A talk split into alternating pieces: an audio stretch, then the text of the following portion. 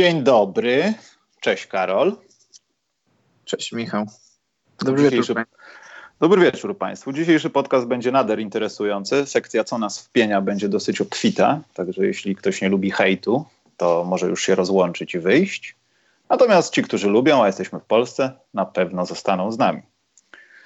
Ale Karol, może byśmy zaczęli od newsików, mhm. bo jest taki jeden newsik. Znaczy, ja nie wiem, czy to jest newsik. Nie potrafię tego jeszcze zidentyfikować. Mówię tutaj o tym planie Adama Łysego dotyczącego turnieju, ograniczonej liczby spotkań, połączenia tego z, nie powiem, no dobra, powiem to słowo, load managementem. Karol, czy ty jakoś to w ogóle odbierasz, czy w ogóle nie czytałeś te, tych sensacji tam, które miały no, miejsce? Oczywiście, że czytałem. Trzymam rękę na pulsie wszystkich wydarzeń z NBA. I nie tylko, domyślam się. I nie e, tylko. No, moje zdanie jest takie, jestem na nie, jestem na bardzo duże nie. Czyli jesteś jak PJ Tucker, który mówi oficjalnie, że ma to w dupie, bo wszyscy zawsze walczyli o mistrzostwo i żeby nie robić y, tata wariata tak zwanego. Tak, jestem za tym, właśnie za tym. Słuchaj, e, ja wiem, e, ty też wiesz, co NBA chce osiągnąć. NBA w, w tym sezonie traci słupki. Ludzie troszkę mniej oglądają NBA. I NBA zaczyna panikować, moim zdaniem, bo ta koniunktura kiedyś musiała y, wystopować, kiedyś musiała się spowolnić i zobacz, w ostatnich powiedzmy, no dajmy na to w ostatniej dekadzie, NBA poczyniła bardzo dużą ekspansję. Od League Passa poprzez różne inne platformy, które sprawiają, że, że NBA jest na wyciągnięcie ręki. Niemalże otwierasz lodówkę i masz NBA. Jest, Adam Silver uruchomił tyle różnych źródeł dochodu dla ligi, że no, należało się tego spodziewać, że prędzej czy później musi nastąpić jakieś wyhamowanie. Nie wiem, czy to już jest powód, do, do, żeby panikować. Ja tam nie siedzę w księgach, nie jestem, nie jestem e, księgowym NBA, no ale skoro jest taki pomysł, to znaczy, że Adam Silver, który lubi pieniążki, już o tym zaczyna myśleć. Nie jestem, nie jestem za tym z, z kilku powodów. Po pierwsze, tak historycznie Liga NBA tego nie potrzebuje. Sezon jest tak trudny, sezon jest tak ciężki, że że po pierwsze przechodzisz sezon, walczysz w nim o, o playoffy, to jest twoja nagroda, ale ta ostateczna nagroda to jest mistrzowski tytuł i to jest, to jest, to jest y, ostateczny cel, ostateczne marzenie y, zawodników, którzy w to grają. Zobacz, ten turniej, w zależności od tego, jak był skonstruowany i co byłoby na szali, nie pisałbyś w swoim CV przy rozmowie Hall of Fame nie byłoby, że jesteś tam czterokrotnym zwycięzcą jakiegoś tam zimowego turnieju.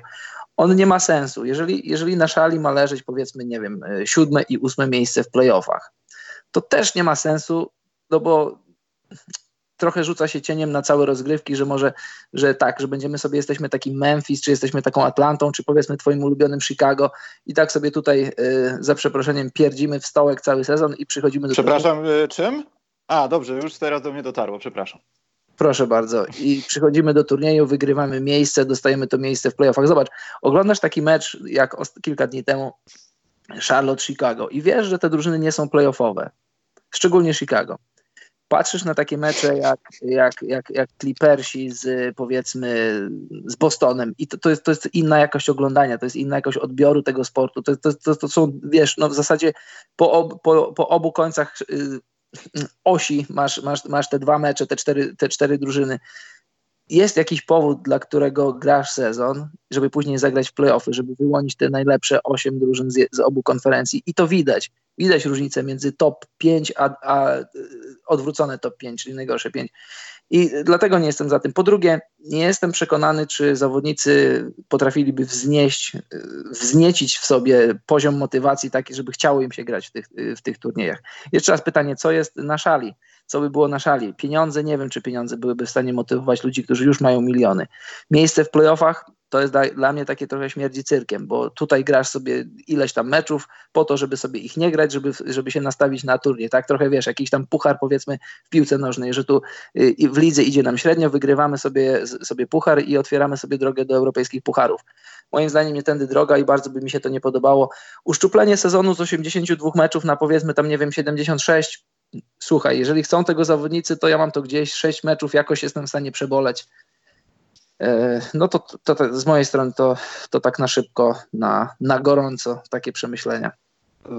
Mi wydaje się, że zmiany są konieczne zawsze. Coś trzeba zmienić, żeby coś poprawić, trzeba się rozwijać, nie wolno stać w miejscu, obserwować różne rzeczy. Też faktycznie się śmiejemy z tego load managementu, ale faktycznie no może, może tych kontuzji było mniej, może, może ten sezon by to wymusił. Natomiast nie wydaje mi się, że przemodelowanie tego e, wiązałoby się z tym, znaczy wiązałoby się przemodelowanie tego całego systemu z tym, że Liga NBA już by nie była ligą NBA to byłoby jakieś takie chore qui pro quo, które by powodowało, że te skojarzenia z lat 90., z początku XXI wieku powodowałyby, że to NBA nie jest takie samo. Ten turniej to takie, to trochę też tak podśmierduje y, wyciąganiem ręki do tych biednych, małych rynków, które sobie nie radzą z podpisywaniem zawodników, no bo te turnieje, ten turniej niejako miałby powodować to, że te drużyny też e, mogłyby wykorzystać tą chwilę, żeby coś wygrać żeby ewentualnie wygrywając coś zachęcić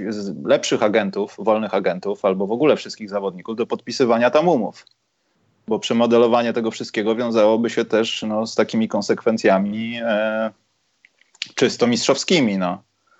I wydaje mi się, że to byłaby niedobra sprawa dla całej ligi i całej organizacji. Natomiast uszczuplenie samego terminarza, samego w sobie, albo rozłożenie go jakoś na przestrzeni no nie wiem, tego samego czasu, ale jakoś tak bardziej rozciągnięcie jak gumki od majtek, no byłoby chyba lepsze niż myślenie nad tym, czy zrobić system pucharowy i tak dalej. I ja jestem 100% w teamie PJ Tuckera, który powiedział, że no, to co powiedziałem na początku, no, walczyliśmy zawsze o mistrzostwo i nie róbmy z siebie taty wariata. I to byłoby straszne reperkusje, myślę, byłyby w ogóle w, w historii ligi, patrząc na to. Aczkolwiek no, też się kiedyś chyba tak mówiło o linie za trzy punkty że to jest wynalazek z tej takiej innej koszykówki, takiej popisowej i nagle się okazało po kilkunastu latach, że ta trójka w ogóle no, zażarła, że tak powiem, w koszykówce po prostu. I też trochę boję się o tym mówić, no bo tak naprawdę, no może faktycznie to trochę za bardzo hejtujemy, ale jakby przyszło co do czego, no to panowie z NBA by tak to rozplanowali, że może to byłoby atrakcyjne. Tylko pytanie, dla kogo byłoby to atrakcyjne? Dla tych słabych zespołów, czy dla tych zespołów, które zawsze były zawsze były dobre, albo gdzieś tam zawsze były w gronie tych kontenderów. I to jest najważniejsze pytanie. Dobrze, Karol. Ma, no.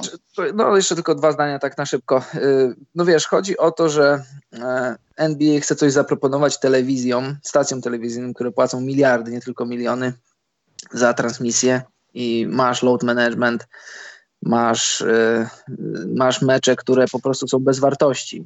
Jest dużo meczów, które są bez wartości i, i tutaj nie chodzi, o, nie chodzi o ilość, a o jakość. Więc telewizje na ten moment być może obawiają się, że uszczuplenie kalendarza, znaczy może obie strony się, się obawiają, że uszczuplenie tego kalendarza o tych kilka meczów sprawiłoby, że, że w kasie ligi byłoby mniej pieniędzy i też mniej pieniędzy dla te, stacji telewizyjnych, no ale, ale ten produkt trzeba by było sprzedać w taki sposób, że chodzi tutaj o jakość. Y, zobacz, jeżeli Kawhi nie jest w stanie grać 82 meczów, jeżeli większość gwiazd czy nie może, czy nie chce zagrać przez cały sezon, jeżeli oglądamy takie mecze, jak, jak widzisz tutaj, no już, już nie mówiąc, już nie patrząc się na, na jakichś tam konkretnych drużynach, ale jest dużo bardzo słabych meczów w obrębie tych, które są świetne, wiadomo. I jeżeli zawodnik gra w back-to-back, -back, jeżeli gra piąty mecz w 7 dni czy w 9 dni, to wiadomo, że jakość tego produktu spada. Nie możesz oczekiwać od y, Lebrona, że będzie co wieczór grał na 35 punktów. Nie możesz od Doncicza oczekiwać, że codziennie będzie rzucał po 40 punktów i rozdawał 15 asyt, jeżeli będziesz go ale, zajeżdżał. Przepraszam, Karol, no? ale też z drugiej strony, czy na tym nie polega piękno NBA w jakimś tam y, sensie? Ja już, ja już chciałbym oddzielić te rozmowy, że normalny, zdrowy człowiek nie jest w stanie y, jak najbardziej wytrenowany bez suplementów. Już nie będziemy mówili o witaminach, które Karol wypadły z torby w Londynie tak. Tylko dzięki temu liga była atrakcyjna, bo polegała i polega dalej na tym, że ci goście są często zakatowani, ale dalej idą jak lodołamacz przez y, lodowce, których jest coraz mniej. Słuchaj, Michał, jak najbardziej, oczywiście, ale tu do, dotykasz takiego problemu. Dla mnie czy dla ciebie nie ma, nie ma najmniejszego problemu, że powiedzmy, że no, dajmy na to Carmel Antony jest w swoim pierwszym meczu tam, nie wiem, 4 na 14 czy 5 na 15, jakoś tak, y, że Kałaj między meczami na 37 punktów, czasem meczy na 17. My to rozumiemy, my to wiemy wiemy, my gramy w koszykówkę, my wiemy jak to jest grać back to back, znaczy nie graliśmy nigdy w NBA, ale wiemy jak to jest, gdy cię coś boli i, i jesteśmy w sporcie i, i, i, wiemy jak to jest, że sportowcy nie, nie, nie, zawsze dostarczą ci 30 punktów. I jasne, ja też ja widzę w tym dużo piękna. Dla mnie takie mecze jak Chicago-Charlotte, przepraszam, że jadę po Chicago i Charlotte. Ale będzie mnie, jeszcze na to czas, Karol, spokojnie, ja też będę ich ciupał za moment. Dla mnie w tym też jest dużo piękna, tylko problemem teraz NBA ostatnich lat jest to, że, że, że jest ogromny zastrzyk pieniędzy, wiesz dobrze, z różnych stron. Problem jest taki, że NBA stała się, znaczy zawsze była, ale teraz stała się jeszcze bardziej takim produktem, takim namacalnym. Dotykasz go, kupujesz sobie, płacisz pieniądze. Czy dziś wieczorem oglądamy film na Netflixie, czy dziś wieczorem obejrzymy sobie Warriors. Taka była narracja ostatnich pięciu lat. No w tym sezonie już nie Warriors. I problem jest taki, że ci, ci wymagający ludzie, my jesteśmy wymagający na poziomie koszykówki i rozumiemy, że koszykówka jest raz, raz, ładna, raz brzydka, ale ci, którzy są tacy powiedzmy 50 na 50, czy obejrzymy sobie serial, czy pójdziemy do kina, czy jednak zainwestujemy w NBA, oni chcą dobrego produktu, co wieczór dobrego produktu i oni nie, nie, nie przetłumaczysz im, oni nie chcą nie chcą tej, oni nie chcą dopuścić do siebie takiej, takiej wiadomości, że to, że to jest sport, to są ludzie i to, to może nie zawsze wyglądać dobrze. I tych ludzi NBA potrzebuje, żeby, żeby generować takie zyski, to tych ludzi NBA potrzebuje. Fani koszykówki są, fani koszykówki będą, tylko że y, mam, ja mam takie wrażenie, że NBA chce kosić takich ludzi, którzy są tacy właśnie y, pół na pół. Trochę są w sporcie, trochę są w rozrywce, a generalnie chcą sobie miło spędzić wieczór, czy to w hali, czy przed telewizorem. Ważne, żeby płacili pieniądze. I to jest, to jest dla nich. Ten turniej jest dla nich, load management jest dla nich, skracanie sezonu jest dla nich. To wszystko jest dla nich, bo fan koszykówki przy koszykówce zawsze będzie, a chodzi o e, elektorat niezdecydowany. Poza tym też, Karol, przypomnijmy o jednej rzeczy, że te wszystkie kwestie z Collective Bargain Agreement, te wszystkie rzeczy z podziałem pieniędzy, czyli tym e, Basketball Related Income, to wszystko jest związane z tym, że to telewizja zapłaciła te pieniądze, podpisała te kontrakty telewizyjne, dlatego Antek na przykład może dostawać 200 milionów przy następnym podpisie.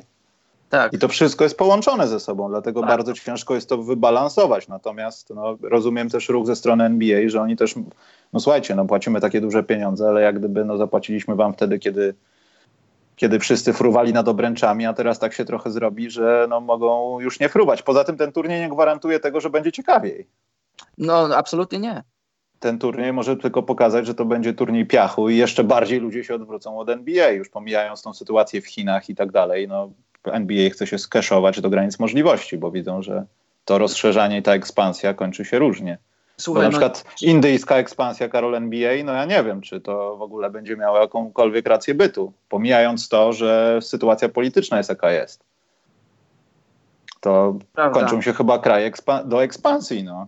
No to prawda. No, y, jeszcze jest Afryka niezagospodarowana i, i wiesz, ta, ta afrykańska liga, która y, ma mocne wsparcie ze strony NBA, te szkółki NBA, e, Giants of Africa, to, to, to, są też moim zdaniem podchody pod to, żeby wejść, żeby wejść w Afrykę mocno, żeby wyciągnąć pieniądze. No to nie ma tam super zamożnych krajów, no ale jest potencjał ludzki i ludzie, jeśli, jeśli cena będzie dostosowana do ich możliwości ich portfeli, to też tam da się sięgnąć. No wszędzie da się sięgnąć ludziom do kieszeni, jeśli się da. A kiedyś rozmawialiśmy o tym. Ja ja miałem takie wrażenie na temat Adama Silvera, jak, jak tylko przejął, przejął NBA, że on w przeciwieństwie do, do Davida Sterna, David Stern kochał koszykówkę, on, on żył koszykówką, a przy okazji miał głowę do, do interesów. U Adama Silvera jest trochę odwrotnie. On kocha biznes, on kocha pieniądze, a koszykówkę tylko lubi. Takie jest moje wrażenie. I, I, gdzie to zaprowadzi NBA? No póki co prowadzi dobrze. nie nie, chyba na ten moment nie możemy krytykować Adama Silvera, tylko moja, moja obawa taka była przed paroma sezonami, że żeby przypadkiem nie zdarzyło się tak, że, że NBA zacznie się, wiesz, otwierasz lodówkę, otwierasz, nie wiem co, y, bagażnik w samochodzie, a tam wychodzi ci NBA. Bo to na dłuższą metę nie służy ani NBA, ani, ani takiemu zwykłemu kibicowi koszykówki, który moim zdaniem trochę na tym traci i cierpi, bo jeżeli chcesz być dla każdego, to ostatecznie na koniec nie będziesz dla nikogo. Tak myślę. Tak, tak. Jeśli jesteś do wszystkiego, to jesteś do niczego. E, mm, kończąc newsiki, to myślę, że warto wspomnieć, chociaż patrząc na naszą sytuację z zawodnikami w lidze NBA, to nie chcę powiedzieć, że jest fatalna, ale jest kompletnie bezprzyszłościowa, ale mamy Karol Człowieka w Harlem Globetrotters. Nie wiem się, czy można z tego cieszyć, czy nie, ale chyba powinniśmy się z tego cieszyć, że chociażby w takiej koszykówce Polak gdzieś zabłysnął. No cieszmy się, tym bardziej, to że jest, skład... To jest taki newsik przez łzy trochę, ale ja, mówimy tu no... o Pawle Kidonie. On tak, świetnie tak. się wbił na to, bo on się pokazał przy tych zawodnikach, że potrafi robić niektóre rzeczy z piłką. Aczkolwiek też nie jest chyba jedynym Polakiem, który potrafi robić takie rzeczy z piłką. E, popisowe, powiedzmy, mało mające wspólnego z prawdziwym basketem, bo to przeważnie jest błąd kroków ale chyba to jest fakt wart odnotowania i życzymy Pawłowi jak najlepiej. Został wydraftowany, bo tam chyba jest draft, w sensie wybierają cię, a nie tam, że masz kilku konkurentów. Nie, nie, nie wiem dokładnie na czym to polega, ale ogólnie rzecz biorąc ciekawa sprawa. Myślę, że będziemy mogli niedługo Pawła zobaczyć w Polsce grającego razem w tych pięknych koszulkach z innymi zawodnikami. No jasne, jak najbardziej trzeba się cieszyć. Po pierwsze, że to Polak, a po drugie, że Harlem, Harlem Globetrotters drużyna legendarna o ograniczonym składzie. To nie, to nie jest liga, to jest jedna drużyna. No, konkurencja na pewno jest duża. Trzeba tak. się cieszyć. Dobrze, Karol, to chyba przejdźmy do rodzynka dzisiejszego programu, bo ty też słyszałem, masz jakieś problemy z różnymi aplikacjami. O, nie aż takie wielkie. Jak, Natomiast jak nie, no moje problemy nie są wielkie, natomiast ja tak y, chciałem ci, Karol, taki rebus zadać. Jak się nazywała taka rzecz w czasach szlacheckich, która wystawała z, y, z, z szabli na przykład? To było w naszej literaturze często opisywane. Na K. No wiem, ale nie będę mówił. Czyli kutas. Tak. Który, karny, karny kutas. Tak, który przez wieki jest stracił, zmienił swoją definicję. Dokładnie, ale ja podkreślam, że to jest właśnie kutas od szabli, a nie część składowa ciała mężczyzny, bądź też specyfika bycia każdego człowieka. E, karny kutas, wiesz co Karol, i to też nie jest personalnie do żadnego sędziego, ale mam taką, ja już może kiedyś o tym mówiłem, mam taką chorą obserwację, Karol, że w naszej przynajmniej polskiej koszykówce, bo też chciałbym się dowiedzieć, znaczy mniej więcej wiem, jak to u ciebie wygląda, to jest trochę inny świat, ale Mam wrażenie trochę, że w, nie tyle co w ligach amatorskich, ale w ligach dla powiedzmy dzieciaków, mhm. poziom sędziowania jest tak słaby. Jest, nie chcę powiedzieć mierny, bo to by obrażało miernych sędziów, ale jest tak słaby, że ja jestem zdziwiony, że nawet te średnie dzieci, które nie są jakoś tam super utalentowane i nie będą nigdy kadrowiczami, nigdy nie będą Łukaszami, Kolendami i tak dalej, są uczone złych nawyków i kiedy przychodzi im zagrać w prawdziwym baskecie, a mam kilka takich przypadków, to nie wiedzą, gdzie są. Bo przez lata są karmieni po prostu, brzydko mówiąc, gównem płynącym z gwizdków. I to mnie strasznie, Karol, wpienia, że w Polsce przeważnie jest tak, że sędzia jest chodzącą ostoją wiedzy i ty nawet gdybyś zjadł wszystkie rozumy i stworzył zasady w gry w koszykówkę, to nigdy żaden sędzia nie będzie z tobą rozmawiał. To zależy od przypadku, ale mówię o ogólnikach. E, jest taka atmosfera, wiesz, że, że ty nigdy nie masz racji, sędzia patrzy ci na ręce, on wie najlepiej, dzieciakom się nie chce grać, one nie wiedzą, kiedy są kroki, kiedy jest faul. W jednym z meczów usłyszałem, że półkole w FIBie nie służy do wiadomo czego pod koszem, czyli do faulu ofensywnego bądź też nieofensywnego. I, no i mam z tym straszny problem. Karol, czy u ciebie jest tak samo w takich ligach amatorskich, że jest taka, taka, taka dziwna sytuacja, czy, czy jest normalnie? Słuchaj, poruszyłeś bardzo ciekawy temat. To jest temat, na który moglibyśmy poświęcić cały podcast. E, od czego by nie, myślę, że na małość ludzi z problemami nie ma co poświęcać całego podcastu. To jest strata czasu, e, tak mi się no wydaje. No właśnie, słuchaj, sędziowanie, rzecz, na której się znam, mam nadzieję, w której funkcjonuję. E, zacznijmy od tego, że nie możesz oczekiwać, żeby w ligach młodzieżowych czy w ligach amatorskich sędziowali ci ludzie, nie wiem, tam z Euroligi czy, czy z profesjonalnej ligi, bo po pierwsze tych lig na to nie stać. Oczywiście.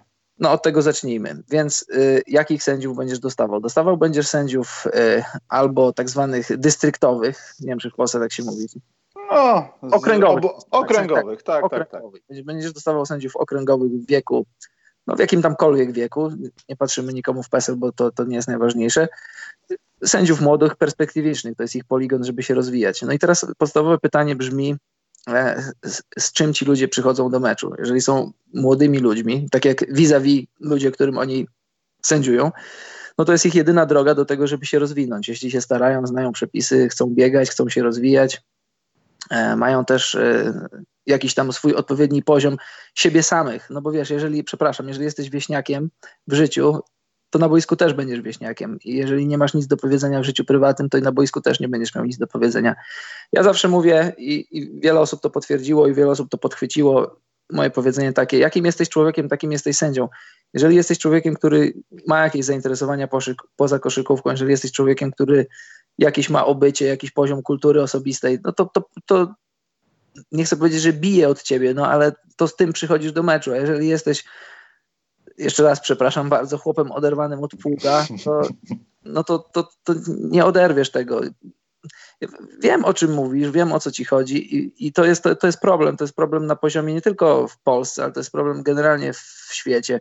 Jest tak samo w Szwecji, jest tak samo w Finlandii. Wydaje mi się, że nie na, nie na aż takim złym poziomie jak w Polsce. Sorry, że tak mówię. Nie, nie, to nie są jakieś tam antypolskie słowa, tylko. Znaczy nie, Karol, ja też chciałbym zaznaczyć, że to, to co mówię, to nie dotyczy wszystkich sędziów w Polsce, bo są debilami. Tylko tak, dotyczy to sędziów, którzy no po prostu tak jak powiedziałeś, no nie wiem, może nie potrafią się jakoś zaklimatyzować do warunków gry, może nie potrafią podejść do tego jako zawodnik, powiedzmy, że zrozumieć niektóre rzeczy i po prostu podejść, wytłumaczyć, zamiast rozdawać na lewo i prawo tak. dachy, bo się na koniec dnia okazuje, że ty masz rację, a ktoś cię za to każe, że masz rację.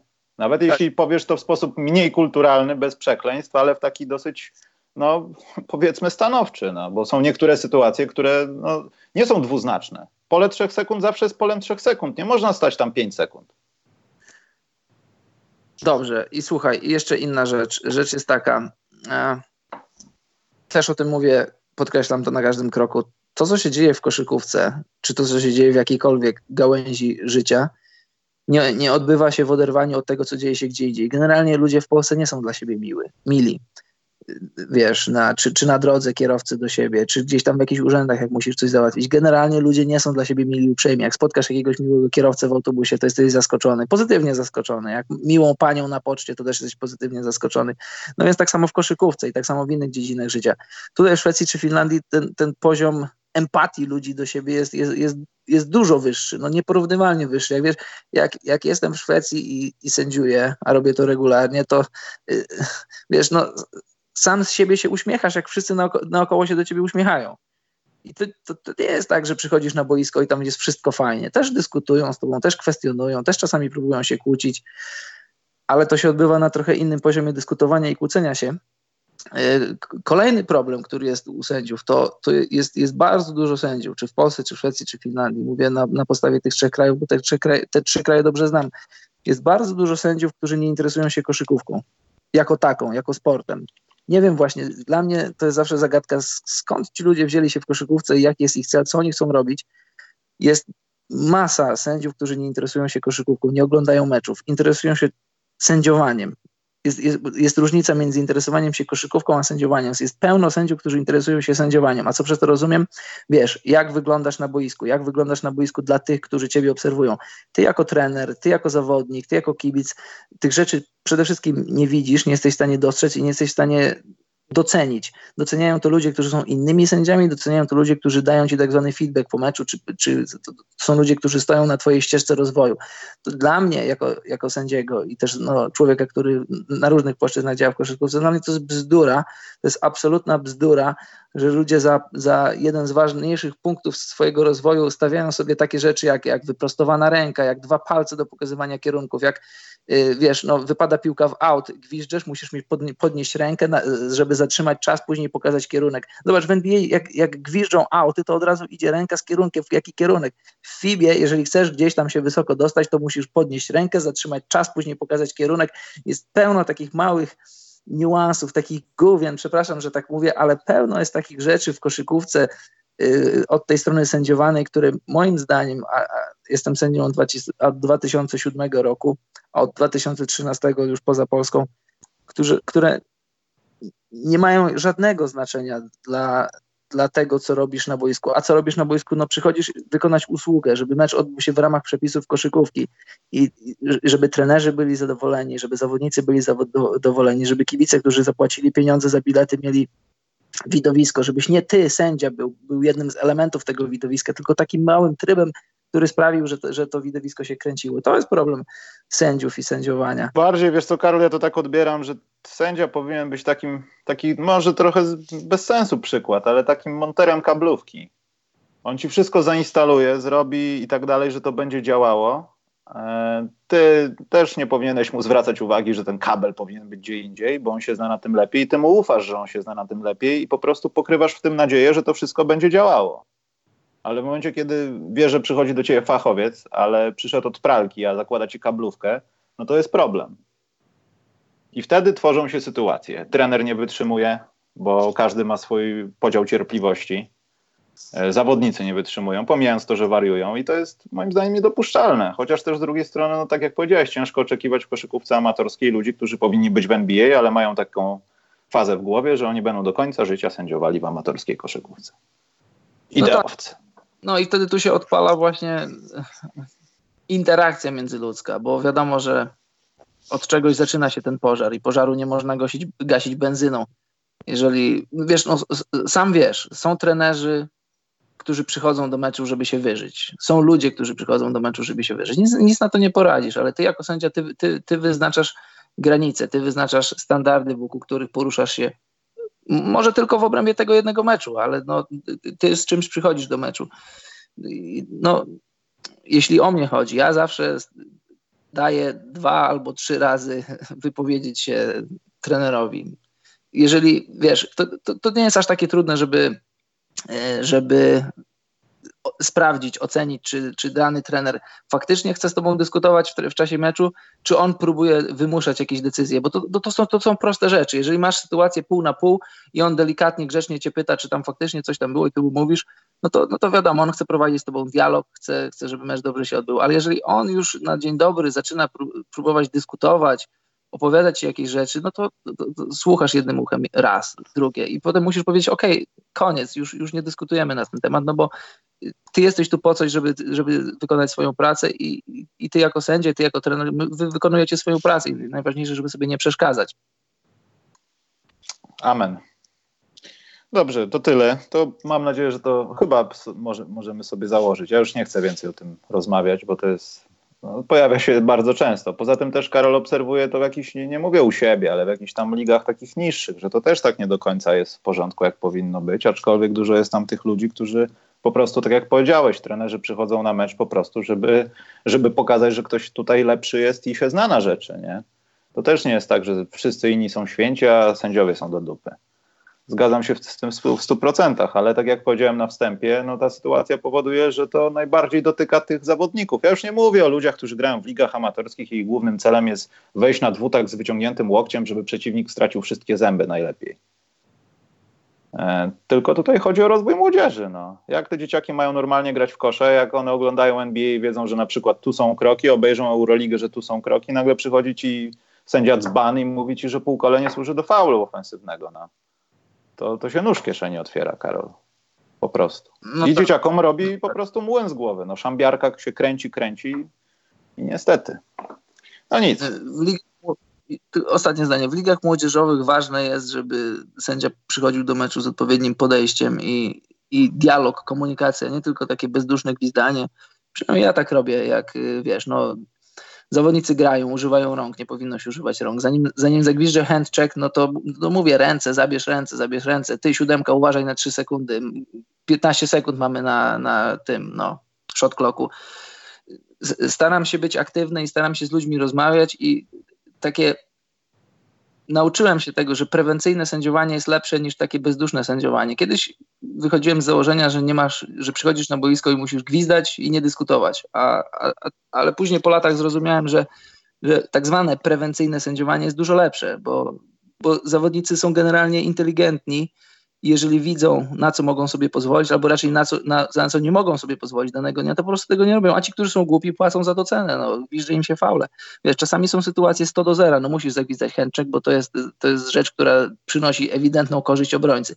A czasami jakieś te, takie delikatne rzeczy po prostu ostrzega zawodnika, zabierz ręce, jak nie zabierzesz, to będzie faul. No tak. Dobrze, to jeśli chodzi o co nas pienia sędziowskie, to już jest za nami. Jedna rzecz, Karol, mnie wpienia strasznie. Powoli rosnący hype na dzieci Wade'a i Lebrona. Oni nie są aż tak dobrzy w kosza, żeby... Ja wiem, że to działa tylko nazwisko, rodzice, tak? Ale to, co się powoli dzieje, zwłaszcza z synem Lebrona, no zaczyna rosnąć do jakichś takich strasznych rozmiarów. Ja życzę jak najlepiej, niech ten chłopak będzie lepszy od ojca. Niech oni razem zagrają w tym NBA. ale to już jak powoli się to wszystko kreuje, ESPN, wchodzą tylko dlatego, że ten dzieciak jest synem Lebrona, jest, no nie chcę powiedzieć żałosne, ale chyba to powiem, jest żałosne. No tak, to jest wiesz, jakbyś pojechał do Afganistanu i wbił sobie gdzieś tam w taką, taką żyzną glebę swoją, e, swoją e, swój kurek i leciałby ci z nie, leciałaby ci z niego ropa. Wiesz o co chodzi? No chodzi o to, żeby, żeby, bo to jest hype, sam powiedziałeś nazwiska, żeby na tym zarobić.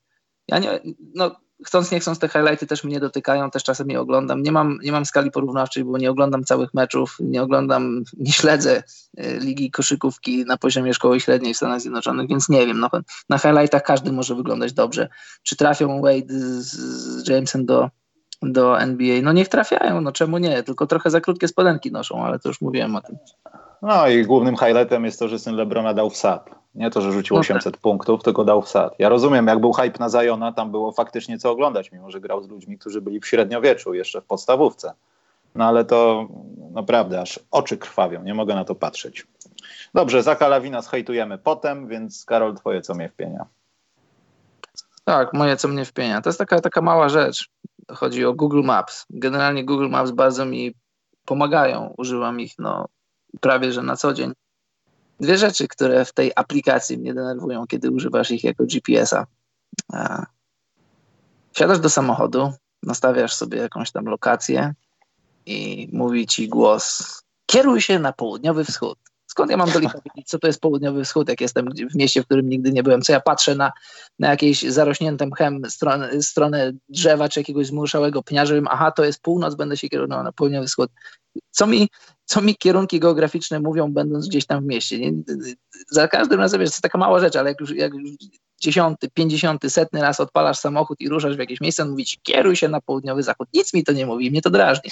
A druga rzecz, która mnie drażni w Google Ale Maps, poczekaj, Karol, jako no? oficjalny podcastowy ambasador powinieneś być wyposażony w zegarek, jak na przykład Solar T-Touch Expert, który ci pokaże, gdzie jest południowy no. wschód. Mam go akurat na dłoni, na nadgarstku. No, no mógłbym sobie przy okazji odpalić aplikację, włączyć sobie kompas i Dokładnie. Tak, dziękuję Pani Google, ja wiem, gdzie jest południowy wschód. No mogę tak robić. A druga rzecz jest taka, że nastawiam sobie jakieś miejsce i tam taka przemiła pani mi mówi, to miejsce może być teraz zamknięte. Ja wiem, droga pani, że to miejsce może być teraz zamknięte, ale mimo wszystko bardzo proszę mnie tam poprowadzić.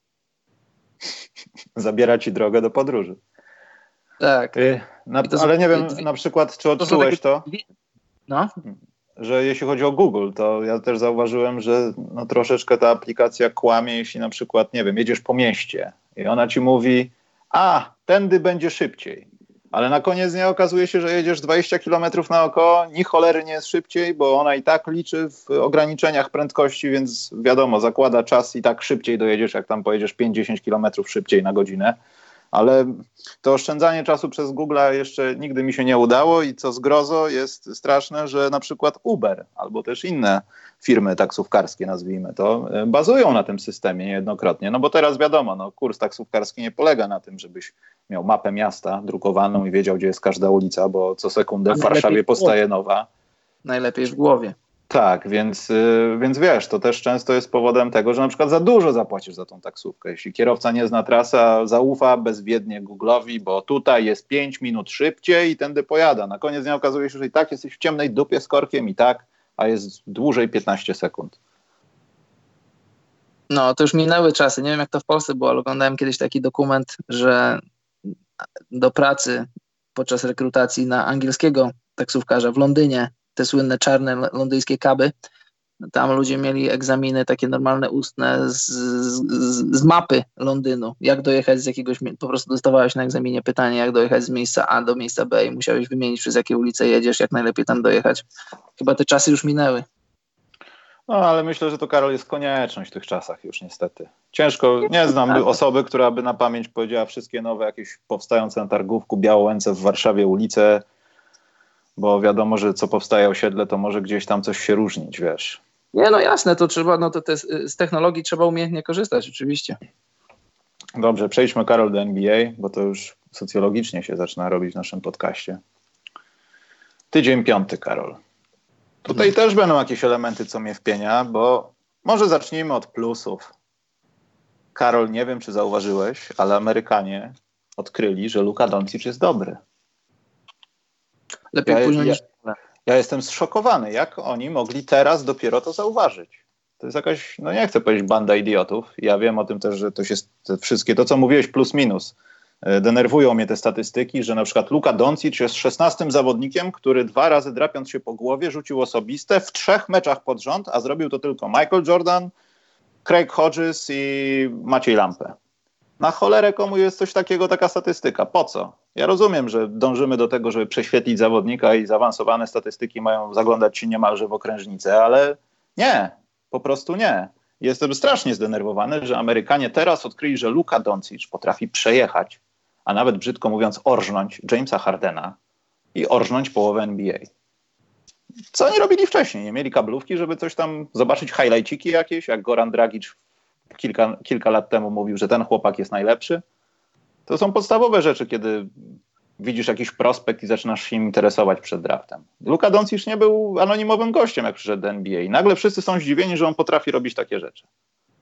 No wiesz, tu też dotykamy y, rzeczy spoza NBA. Generalnie Amerykanie są zarozumiali i, i widzą świat poprzez swój własny pryzmat. Jesteśmy my i długo, długo nic. Później tam nie wiem kto, Kanada i cała reszta. Może jeszcze Meksyk, ale to Meksyk to też, patrzy, też patrzą na, na niego z góry. No, no wiesz, no dla nas to, że Doncic jest dobry, to nie jest żadne zaskoczenie. Że jest aż tak dobry w swoim drugim sezonie w NBA, to może nie jest ani sensacja, ani zaskoczenie, ale taka, taka pozytywna niespodzianka. No ja się, ja się spodziewałem, że, znaczy spodziewałem się, no nie, nie, nie jestem zaskoczony, że Doncic gra tak dobrze, jedynie jestem zaskoczony, że już w swoim drugim roku, on teraz ma ile tam, prawie że poziom triple-double z 29 punktów, czy prawie 30, no to, to jest szok. I wiesz, też do co, na, co nas wpienia, to już trochę przeszło, ale to za każdym razem można mówić, że te wszystkie leśne dziadki, które tam skończyły oglądać koszykówkę na latach 90., że łap, łap, co to, jakie to ma znaczenie, jak teraz się nie broni, teraz jest tyle posiadań, że to... człowieku, przecież to jest takie głupie, zobacz, to tak jakbyś poszedł na, ja, tak, taka mi ostatnio myśl przyszła, jak właśnie jechałem i Google Maps dyktowało mi drogę, ja tak sobie myślę, zobacz, takie porównanie, przychodzisz do restauracji, gdzie jest powiedzmy no bufet, płacisz raz i jesz ile chcesz, no i masz tam, nie wiem, ile, 10 dań, czy to jest tam ileś posiadań i dołożyli 5 dań.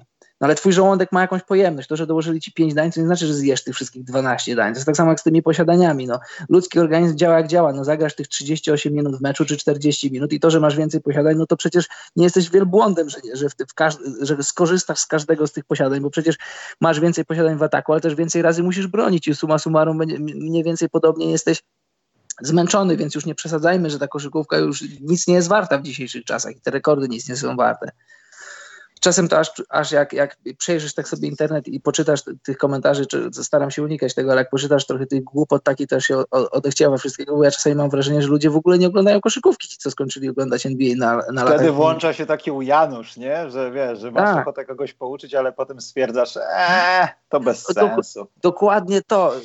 Przeglądasz Twitter i, i ostat, w ostatnich latach na Twitterze jest coś takiego, że kogoś nie followujesz, ale na przykład, że ktoś tam komuś coś skomentował i ty, tobie się to pojawia i myślę sobie, a skomentuję, przez goście jest idiotą. Ale myślę, no. ja tego człowieka nie znam, po co mi to? On będzie mi odpisywał jakieś swoje głupoty, ja tylko stracę Nie, dziękuję. I idzie, człowiek wędruje na, na wyciszenie, na wyspę zwaną wyciszeniem.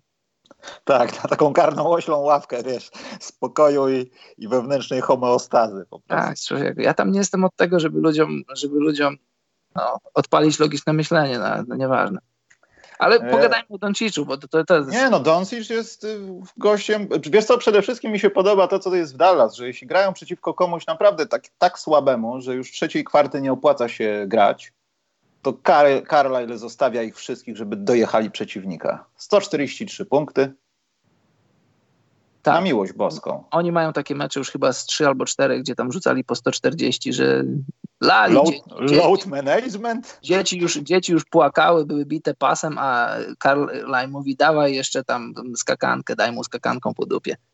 E, dlatego to jest świetne. No i mamy tego takie skutki, że Luka Doncic się rozpędza w słabych meczach, potem przychodzą mecze z poważnym przeciwnikiem i James Harden nie wie, gdzie jest. I no wszyscy właśnie... są nauczeni tym, że James Harden zaraz dogoni w czwartej kwarcie, bo zrobiło się minus pięć. Nagle Luka Doncic, i tutaj zapiję do tych ludzi lat 90., jak powiedziałeś, robi rzeczy, które robili zawodnicy w latach 90. Jest pozbawiony absolutnie super szybkości, super atletyzmu na razie, bo pewnie to przyjdzie z czasem. Myślę, że za sezon zobaczymy jakieś wielkie bicepsy, chociaż nie życzyłbym tego Luce.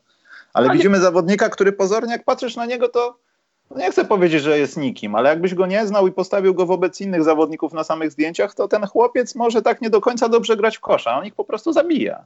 Rzuci Właśnie. sobie trójkę z 10 metrów, wejdzie w jakieś takie posiadanie, że dostanie w rękę, może zrobi krok i sędzia to źle zakwalifikuje, że powinien być faul na podłodze, a nie akcja 2 plus 1.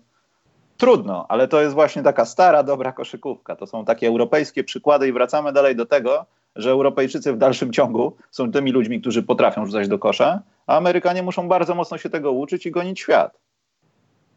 Często. Ten chłopiec, ten, to prawda, ten chłopiec zadał kłam dwóm rzeczom, albo raczej powiedzmy znaki zapytania zamienił na zdania twierdzące, albo nawet wykrzykniki. Pamiętasz, mówiło się o tym, że on może nie być na tyle szybki, żeby kreować dla siebie. No okazało się, że jest bo jeżeli, jeżeli powiedzmy ma naprzeciwko siebie niższych obrońców, którzy są w stanie ustać na nogach, no to on ich bierze na plecy, bo jest od nich większy i silniejszy. Zobacz, w tym meczu z Rackets to, to on Austina Riversa, Austin Rivers kwiczał jak małe dziecko. Nic nie był w stanie zrobić. Nikt, mm. kto jest od niego porównywalnego wzrostu albo ciut mniejszy, a większość obrońców takie właśnie ma gabaryty w NBA, on ich po prostu bierze siłą. A jeśli ktoś jest od niego jest taki sam jak on, albo trochę większy, no to, no to już od tych ludzi jest szybszy. Ma, ma, fantastyczną technikę i nie ma najmniejszego problemu z tym, że on sobie kreuje dla siebie pozycję. I to samo w obronie. Nie jest najszybszy i pewnie nigdy nie będzie, ale, ale samą, samym swoim rozmiarem. Ja miałem okazję, to Przemek też mówił nieraz, bo Przemek w Hiszpanii miał na, pod nosem Doncicza. Ja go widziałem na Mistrzostwach Europy z bliska jest bardzo potężnie zbudowany, jest bardzo mocno zbudowany Doncic i, i może na nogach nie być najszybszy na świecie, ale to, że zajmuje dużo boiska, to, że ma potężne ramiona, to, to wiesz, on nie musi być tytanem obrony. Wystarczy, żeby nie był minusowy w obronie, bo to, co zrobi w ataku, to wystarczy, żeby tego nie oddawał w obronie. A on tego nie będzie oddawał w obronie, bo wystarczy, że będzie, tak jak powiedziałem, wystarczy, że będzie w obronie taki sobie, taki sobie plus, średni i to wystarczy. Hmm. Poza tym te takie małe rzeczy, kiedy on wchodzi pod kosz, rzuca sobie takim wysokim lobem piłkę i w międzyczasie się zatrzyma, bo może ktoś zawadzi o jego plecy i będzie 2 plus 1. To są rzeczy, do których nie potrzebujesz szybkości. Możesz mieć artroskopię na wszystkich kolanach i już tam gdzieś wylizingowałeś dwa używane kolana i wstawili ci, a ty dalej potrafisz to zrobić. I to są świetne takie małe rzeczy, które pozornie myślę, że w świecie scoutingu amerykańskiego mogłyby być nieistotne, ale na boisku są strasznie ważne to jest ważniejsze niż szybkość, ważniejsze niż te wszystkie rzeczy, które nauczyła nas ta atletyczna koszykówka. To są rzeczy, tak. których nie potrafi zrobić Russell Westbrook, a powinien się ich wreszcie nauczyć. On miał parę takich akcji Doncic przeciwko właśnie Rackets. On tak y, wchodzi sobie pod kosz i myśli sobie, a rzuca sobie z lewej ręki, bo dlaczego nie? Widziałeś to? Jak wchodzi tak. pod tak sobie taki, taki lejapik z lewej ręki, bo umiem, tak. bo chcę, bo potrafię. Mm. No i Dallas jest ewidentnie no, na plus. No. To jest ta drużyna, która, która no, chyba liczyliśmy się z tym, no, że będzie zaskakiwać i o dziwo Kristaps zaczyna się odnajdywać w tej sytuacji i to mi się zaczyna podobać. On przestaje być zawodnikiem, który gdzieś tam stoi i dba o spacing, bo może rzucić trójkę, chociaż też to robi, ale wbija się pod kosz, stara się dobijać te rzeczy. Patrzy na Donsicza i wybiega z zakońcowej linii i ma głowę nad obręczą. I może to jest droga, żeby Kristaps właśnie w końcu może był Kristapsem, ale nie takim, jakim się spodziewaliśmy, że będzie w Nowym Jorku, że będzie drugim Nowickim czy coś takiego. I to jest, zaczyna być naprawdę nie, już nie denerwujące, ale miłe do oglądania po prostu.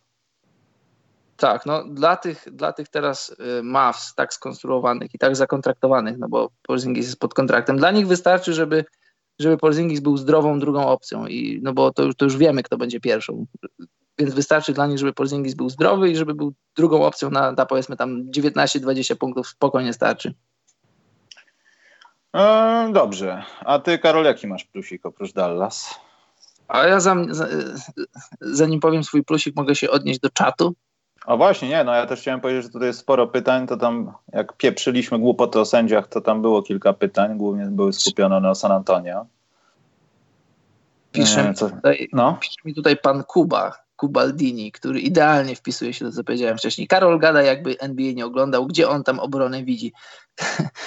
Drogi Kubo, drodzy Państwo, no ja nie wiem, czy to, czy ludzie muszą iść do okulisty, czy do.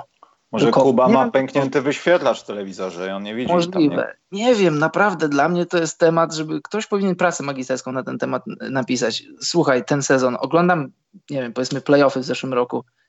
E, Nuggets kontra, kontra Blazers. TJ McCollum kryty przez, jak dobrze pamiętam, e, Toreya Craiga bodajże, nieważne. Fantastycznie kryty, gość nie daje się minąć, gość jest blisko, gość jest z ręką. McCollum wychodzi do rzutu, jego ręka jest prawie, że praktycznie zasłania oczy McCollumowi. McCollum zdobywa dwa punkty. I tak co akcję, i tak co akcję, czy CJ, czy ktokolwiek. I tych punktów jest w meczu 120, 115. Gdzie ty tutaj widzisz złą obronę? Gość jest cały czas, niemalże CJ czuje oddech tego obrońcy, już nie pamiętam którego, ale to nie jest istotne. W dzisiejszych czasach obrońcy są 100 razy lepsi niż byli w latach 90. Pogadaj, wystarczy sobie pogadać, nie wiem, czy, czy z ludźmi od personalnego treningu, czy, czy z trenerami koszykówki.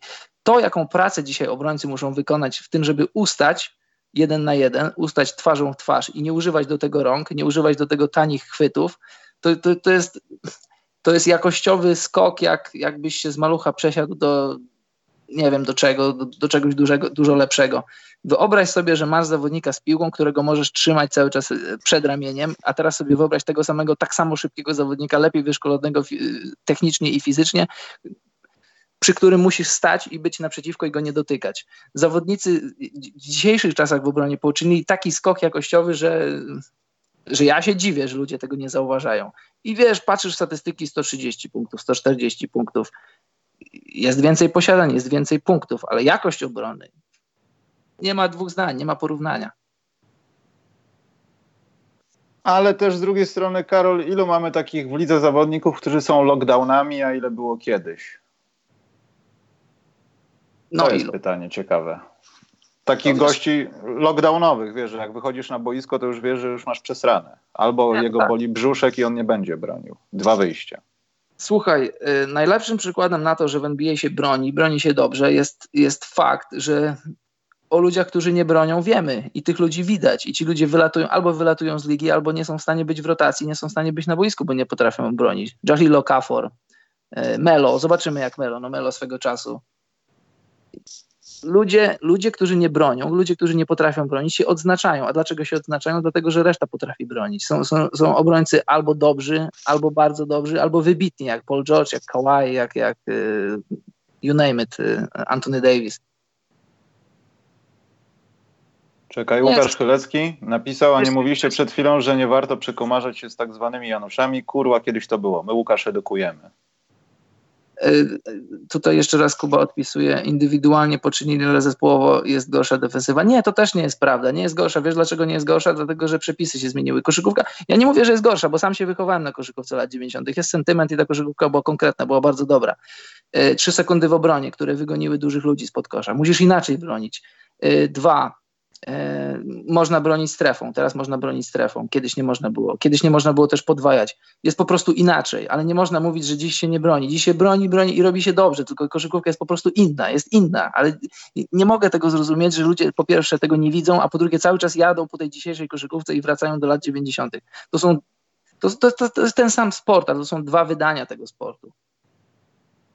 E, ale myślę, że w poszczególnych przypadkach to można byłoby jednak popatrzeć na to z innej strony. Wiesz, czy taki na przykład wyjęty Ron Harper albo Scottie Pippen, co by robili ludziom dzisiaj? Bo wtedy robili ludziom krzywdę. Tak.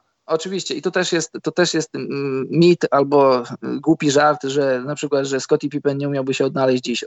Tak samo jak Scottie Pippen i Ron Harper idealnie by się odnaleźli w dzisiejszej koszykówce, tak samo jak LeBron James i, i James Harden odnaleźliby się w koszykówce lat 90. Mimo, że są różnice i to są dosyć spore różnice, jak patrzysz na, na y, przepisy, interpretacje gry i w ogóle, no to, to jest nadal ten sam sport i nadal mówimy o wybitnych sportowcach, podkreślam, wybitnych sportowcach. Jeżeli ktoś myśli, że Scottie Pippen w obronie bez handcheckingu by sobie nie poradził, to jest w dużym błędzie. Tak samo jak ktoś myśli, że LeBron James fizycznie by nie dał rady Bad Boys on Pistons, to też jest w błędzie. E, ja tak widzę po strach wyobraźni Pipena, który wychodzi na obwód do Antka. Antek chyba po pierwszym koźle już by nie miał piłki. W przypadkach 50 na 50. O, poczekaj, patron nam wjechał, Łukasz. Dzięki, Łukasz. Zestaw lepek do ciebie ląduje. Nawet nie wiedziałem, że dalej mamy ten overlay, jeśli chodzi o Patronite. A poza tym zaraz będzie donek offline'owy, zapomniałem, Karol. Ale wydaje, wracając do tematu, wydaje mi się, że to też jest taka. Tutaj padło pytanie na przykład tego, co by robił Chamberlain w dzisiejszej koszykówce. Ja ostatnio oglądałem jakiś taki duży podcast, już nie pamiętam kogo, właśnie mówiący na ten temat, co by było gdyby.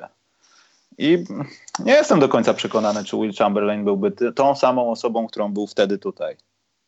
Na pewno byłby gwiazdą NBA i na pewno górowałby nad masą innych centrów, ale myślę, że takie, takie ekscesy, jakie były wtedy, nie, nie miałyby miejsca przeważnie. Bo dużo więcej jest tego typu zawodników jak on. Nawet jeśli to trochę brzmi jak profanacja, no bo dalej Chamberlain jest y, nie tylko w moim serduszku, gdzieś tam w topach. No. Chociaż też dużo go nie, nie dało się oglądać, zwłaszcza na żywo, aż tak stary nie jest. Tak i trzeba też pamiętać, no ja tam meczów Chamberlaina nie oglądałem za dużo, ale trzeba pamiętać, że przepisy były, były bardzo, bardzo inne. Konkurencja była inna. No. Kto tam mógł do niego no, podejść oczywiście. i zrobić mu jakąkolwiek krzywdę? No. Przecież to wyglądało jak gra Zajona z licealistami u niego w szkole średniej. To był żart. Niejednokrotnie no to był jeszcze większy żart niż teraz. Temat Chamberlaina to był wybitny sportowiec. On odnosił sukcesy na, na, na wielu polach. No i przecież zobacz, on przecież miało dojść do walki z Muhammedem Ali. On był piekielnie silny, skoczny, długowieczny. Jest taka plotka, ona chyba nawet potwierdzona była, że jak, jak on miał już 50 lat, to chyba tam New Jersey Nets do niego zadzwonili i chcieli mu dać kontrakt. Tutaj zamknijmy ten temat. Po pierwsze, Kuba, nie jesteś Januszem, masz na imię Kuba, więc nie obrażaj sam siebie. Warendar napisał, wobec tego większy postęp poczynili gracze NBA w umiejętnościach defensywnych czy ofensywnych? Mi się wydaje, że w ofensywnych, bo wymogła to koszykówka po prostu. No, ja bym powiedział, że i tu, i tu, bo musiałeś, wiadomo, że zobacz, ludzie też, jeszcze raz wracamy do internetu tak zwanego.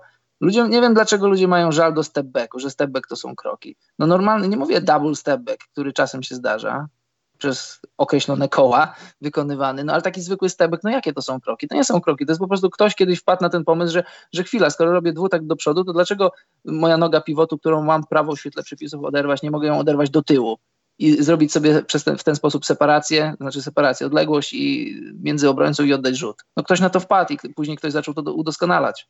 Ale mimo wszystko to troszkę kroki są, Karol, bo odrywasz te nóżki i przepisy powstały pod to, żeby właśnie nie gwizdać kroków. Tak, widzę wiatru, weź, weź tam te szwedzkie sobie te y, no, jabłka kupuj.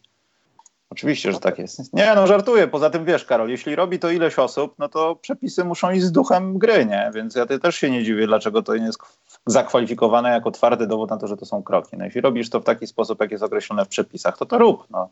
Pozwalają ci na to przepisy. Jeździ 200 na godzinę samochodem. Who cares? Dobrze, Karol, bo tu za duży rand wyszedł z tą latami 90. Musimy skończyć raz na zawsze tę dyskusję. To się wytnie. To się wytnie. Tak, zwłaszcza, że jesteśmy na żywo. Tak, Łukasz Chylecki nawet w czerwonej Sony zagrał. Tak, to jest największe osiągnięcie Wild.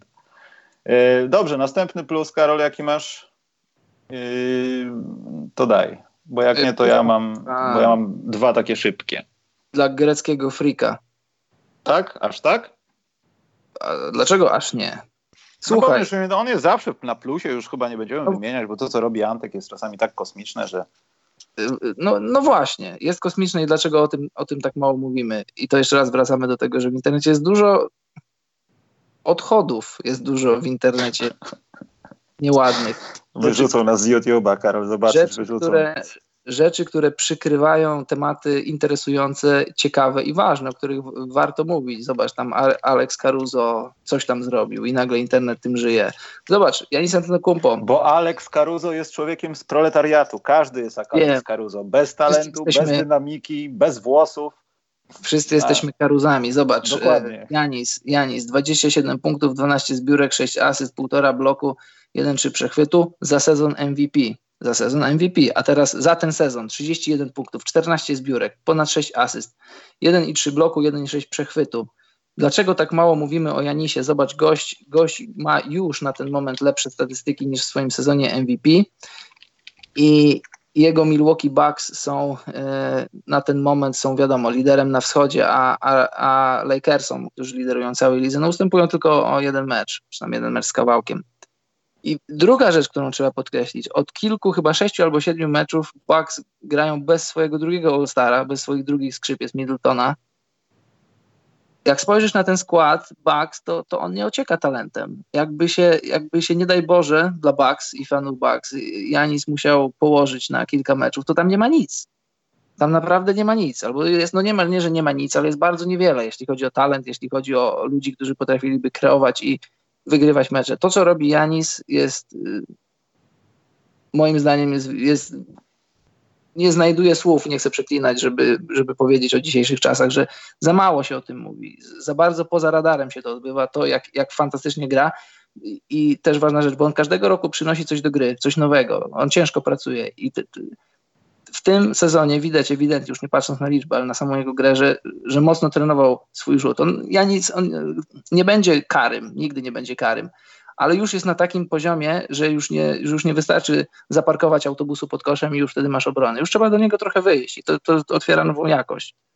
Mhm. I o tym trzeba powiedzieć głośno. Tak, to się zgadzam w 100% i też Antek z Milwaukee są w moich plusach. E, natomiast wiadomo, no łatwo powiedzieć o tym, że Denver Nuggets może nie wyglądają, ale świetnie grają. I może to jest właśnie sposób na to, żeby nie byli flashy, nie pokazywali Bóg wie czego, tylko, czego, tylko po prostu grali w koszykówkę. Tak. Bronili, chodzi. mieli zbiórki w obronie i w ogóle zachowywali się jak drużyna. Tutaj chyba nie trzeba się popisywać i szukać najlepszego zawodnika, tylko po prostu zachować balans i to jest świetne i to jest no-brainer. To tak samo jest z Milwaukee. No, Lakersi też dostają plus, no ale żeby zostać sprawiedliwym, to trochę ten terminarz listopadowy jest dla nich korzystny, ale to też może taki kazus Dallas, że jak jest łatwo i mamy szansę się rozkręcać, to przyniesie nam to profity w dalszej części sezonu. I to też jest kozackie, jak oni potrafią w końcu grać, bo początek może nie, nie był zbyt obiecujący, ale to jest jedna z najlepszych obron i jedna z najlepszych ataków, powiedzmy top 10 w lidze no, w, obu, w obu w obu kategoriach. I to mi się podoba. Mimo, że to tempo gry nie jest najszybsze i to jest raczej dolna połówka NBA, no to kibice Lakers mają się z czego cieszyć i bardzo, bardzo fajnie ogląda się LeBrona, który w końcu jest agresywny, w końcu gra o coś, w końcu ma drużynę, skończyło się pieprzenie głupot, po prostu jest gra w koszykówkę i dominowanie przeciwnika. I mhm. za to wielkie kudos dla Lakers. To jest naprawdę, są momenty, że chyba wolę obejrzeć Lakers niż Clippers. Aczkolwiek Clippers też są w moich plusach, plusach, no bo wiadomo, Paul George wrócił. Może mało zagrali panowie Kała i George ze sobą póki co, ale to zostawia tak dużą nadzieję, o której mówiliśmy przed sezonem, że to będzie potwór w obronie i, i tylko sprawy ofensywne i ten load management i pojawianie się tych osób może spowodować jakieś takie dziwne losy tej drużyny, ale dla mnie to jest solidny plus za zeszły tydzień. No tak, zobacz, same te dwa mecze z, z Bostonem i, i, z, i z Houston, one dużo pokazują. Nie zawsze wy, będziesz wygrywał wysoko, ale jak masz, jak masz Paula George'a, zobacz, Paul George, e, no zresztą i Kawhi, masz dwóch gości 3D, masz dwóch gości, którzy potrafią kozłować i podawać i, i tutaj no, jak to mówią Amerykanie, wybierz swoją truciznę. Mhm. Kolejnym plusem, Karol, dla mnie jest Oklahoma. Tak, ja, dalej, ja dalej nie wierzę w to, co się dzieje. Oni tak poniżej radaru, oni są na minusie, oczywiście 60 teraz, ale to w jaki sposób Chris Paul potrafił no, przestać płakać, w ogóle znaczy, on nawet nie zaczął płakać, że jest w Thunder, ale tam już chyba nie ma dyskusji, że potrzebny jest transfer. Wydaje mi się, że Oklahoma będzie starała się wykrzesać wszystko z tego składu w tym sezonie, jak się da i nawet jeśli będą dobre oferty na stole, to ani Adams, ani nikt inny nie wyfrunie z tej drużyny. Bo oni naprawdę grają taką dobrą koszykówkę. To mi się podoba. Nie stawiasz na nich funta kłaków, a oni grają dobry basket. I to jest naprawdę jeden z takich też solidnych plusów w tym tygodniu, moim zdaniem. I w ogóle chyba za cały sezon, za te ostatnie pięć tygodni. Trzeba, trzeba, bo mimo, mimo ujemnego bilansu, to tak jak mówisz, walczą. No i ja jestem w obozie, że tam się wydarzą jakieś transfery, no ale ciężko powiedzieć, co tam góra, zarząd czy właściciele myślą o tym sezonie, no bo ten skład to jest skład, który może śmiało pomyśleć o tym, żeby powalczyć o playoffy. Słuchaj, mhm. Galinari, Chris Paul, Adams, Schroeder. To są... mimo, mimo, że niechciane te playoffy może trochę, bo może cele byłyby no. inne, ale... No nie, no jasne, zobacz, tym bardziej, że tym bardziej, że teraz tak się ułożyło, że raczej to się spłyci wszystko. Poza, poza top 6, moim zdaniem żelaznym top 6 na wschodzie, to, to będzie z drużyn powiedzmy no drugie tyle, z sześć myślę, czy może nawet siedem, jak włączyć jeszcze San Antonio, które ch chcą powalczyć o te dwa dodatkowe miejsca, a tutaj już różnice już są, już są malutkie. Masz, masz Phoenix na 8-8, a, a, a San Antonio, który jest teraz trzeci od końca, ma tylko trzy mecze straty do Phoenix. Niecałe trzy mecze straty, no równe trzy mecze straty, to jest wiesz. To są, to są znikome, znikome różnice na tym, na tym etapie sezonu. Mm. No dobrze, Karol, ze dwa, trzy plusiki lecimy do minusów. Dobrze. Raptors. Homers, za... ale ja też im chciałbym dać plus, bo, bo to, co na przykład zrobili z Filadelfią, no, ja się nie no, spodziewałem, że Raptors zachowają tą taką, wiesz, nie wiem jak to powiedzieć po angielsku nawet, ale taką jednorodność w tym takim dążeniu do tego, żeby nie było gorzej, tylko grajmy swoje, ten nasz czas przyjdzie, dalej będziemy niszczyć ludzi bez kałaja, tylko musimy trochę może przemodelować, trochę może pomyśleć nad innymi rozwiązaniami, wykorzystać zawodników innych inaczej, patrzeć na rozwój tych wszystkich zawodników, którzy mieli przejąć schedę po wiadomo kim, a jest ich raptem jeden albo dwóch. E, więc to mi się bardzo podoba, Karol. Jako nie Homer. Nie, no trzeba, nie, no jasne, ja też. I no, trzeba to podkreślić, bo to, to, to mogło być w różną stronę. Była taka plotka, nie wiem, czy to, czy to jest prawda. Chyba ona się potwierdziła, że Ners, jak się okazało, że Kałaj odchodzi, to Ners zadzwonił, czy zadzwonił, że tam się spotkali z Pascalem i z Van Vlietem i powiedział im, słuchajcie chłopaki, no odszedł Kałaj, czyli jest 20 rzutów do oddania. To od, od was będzie zależało, jak przepracujecie wakacje i czy, czy, czy chcecie wziąć na siebie te 20, tych 20 rzutów. No i oni powiedzieli, że tak, że bierzemy. No i póki co w tym sezonie widać, że no, stanęli na wysokości zadania, przepracowali lato. Y, Van Vliet, Van Vliet w zasadzie to nie ma słabych meczów. Ma albo mecze dobre, albo bardzo dobre. Jego problemem było to, to że, że, że czasami w zeszłych sezonach, że był tak trochę, miał dobre mecze, a później w ogóle go nie było. Znowu dobre mecze i znowu go nie było. A tu jest taka stała powyżej przeciętnej. No już o, o Siakamie nie wspominając, no bo to już wskoczył na poziom All-Star. Poza tym wiesz, Fred Van Lee to jest o tyle bezpieczny, że nawet jeśli by mu się tam powinęła noga i grał gorzej, to też nikt za specjalnie by go nie obwiniał, bo wszyscy wiedzą skąd wziął, jaki jest, skąd się wziął, jaki jest i, i czego mo można było od niego oczekiwać i tylko klepać po ramieniu. Wiesz, nie udało się spoko, a nie wymagać presji, bo ty miałeś Bóg, być Bóg wie kim dla tej drużyny i dla NBA nawet. Także to, to jest bezpieczna pozycja taka takiego człowieka, na którego nie stawia się, nie masz presji, a, a jak dadzą ci robić swoje, to robisz rzeczy. Jak to najbardziej. Jest, to jest bardzo dobre. E, ja mam, nie wiem, czy podzielasz Jamoranta na plus. Ja jestem zakochany. Ja, jak gdybym mógł zmienić orientację seksualną, wyszedłbym za Jamoranta. Zmień? Nie, chyba nie. On by mnie chyba nie chciał, bo ma za dużo pieniędzy i gra w Memphis i myślę, że mógłby mieć ładniejszych chłopców ode mnie, ale naprawdę gra świetną koszykówkę i widzę czasami takie, takie duchy przebiegające gdzie jest Alan Iverson z tym poświęcaniem własnego ciała na wchodzeniu pod kosz, gdzie jest jeszcze kilku zawodników, gdzie ja myślę, gdzie wchodzę na czterech obrońców i co mam zrobić. To są piękne rzeczy. I chyba powinniśmy też dziękować Zajonowi, że znikł, bo bez tego Jamoran mógłby też spaść na to drugie, trzecie miejsce, myślę, jeśli by Zajon grał koszykówkę, którą wszyscy sobie obiecaliśmy, że miał grać. Albo chociażby grał w nią.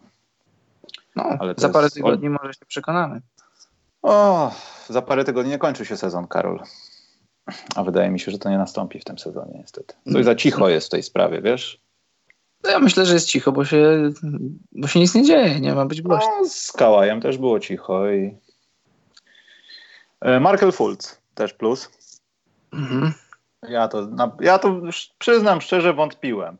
Nawet jak już tam były jakieś przejawy, to cieszyłem się, ale wątpiłem. Teraz już chyba te wątpliwości mi przeszły. Może, może faktycznie to już minęły te złe czasy dla Markela Fulca i wszystko będzie dobrze. Bardzo mi się to podoba. No oby. Masz coś jeszcze na plus? Brandon Ingram. Serio? A nie? Dobrze wygląda. Dobrze gra. Przede wszystkim jest zdrowy, gra w koszykówkę i też nie ma też, zobacz, też nie ma wahań formy takich jak w Lakersach. W Lakersach raz miał mecze na tam, no nieważne ile punktów, ale rozbudzał takie wyobraźnie, że to będzie drugi KD, po czym na parę tygodni go nie było. A tutaj za ostatnich powiedzmy, że no powiedzmy, nie pamiętam dokładnie, mam statystyki przed sobą, ale chyba ostatnich 7 meczów czy 6 nie, nie szedł poniżej 20 punktów. No dobrze, no przekonałeś mnie, niech będzie. Dziękuję. Zobacz, i tak się no. y, internet się cieszy, że Ben Simmons trafił pierwszą trójkę. No fajnie, że trafił, a, a, a gdzie Ingram, druga? A gdzie druga? A Ingram z, tego samego, Ingram z tego samego draftu wali trójki regularnie. Nikt nie musi z tego highlightów robić. Mm. I też może pokaże to, co też mówiliśmy o nim, że to może nie trzeba dokładać mu kilogramów, tylko dać mu pole do wykorzystania tych wszystkich atutów, które teraz ma i na, na, na przykładzie Duranta po prostu nie bawić się w robienie z, z niego nie wiadomo kogo. Tylko zostawienia go samemu sobie, dołożenia kilku rzeczy po prostu treningowych, a nie tworzenia z niego potwora z 60 w bicepsie.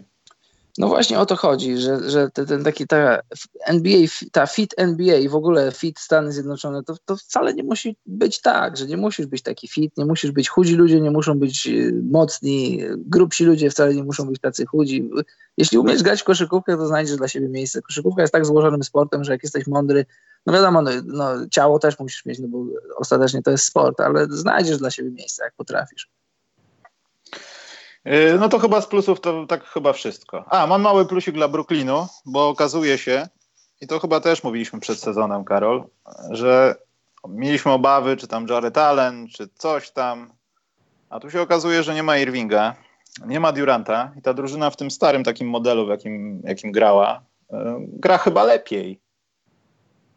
No, bez dwóch i bardzo mi się to podoba, że, że, znaczy nie podobają mi się kontuzje w ogóle, karny kutas dla kontuzji i w ogóle dla tych wszystkich takich rzeczy, na przykład tutaj w Bostonie. Boston to też taki może plus przez zero, bo są połamani, ale nie poddają się i grają dalej. Ale czytałeś, że Gordon Hayward cieszy się, że złamana ręka nie przeszkadza mu w graniu na komputerze.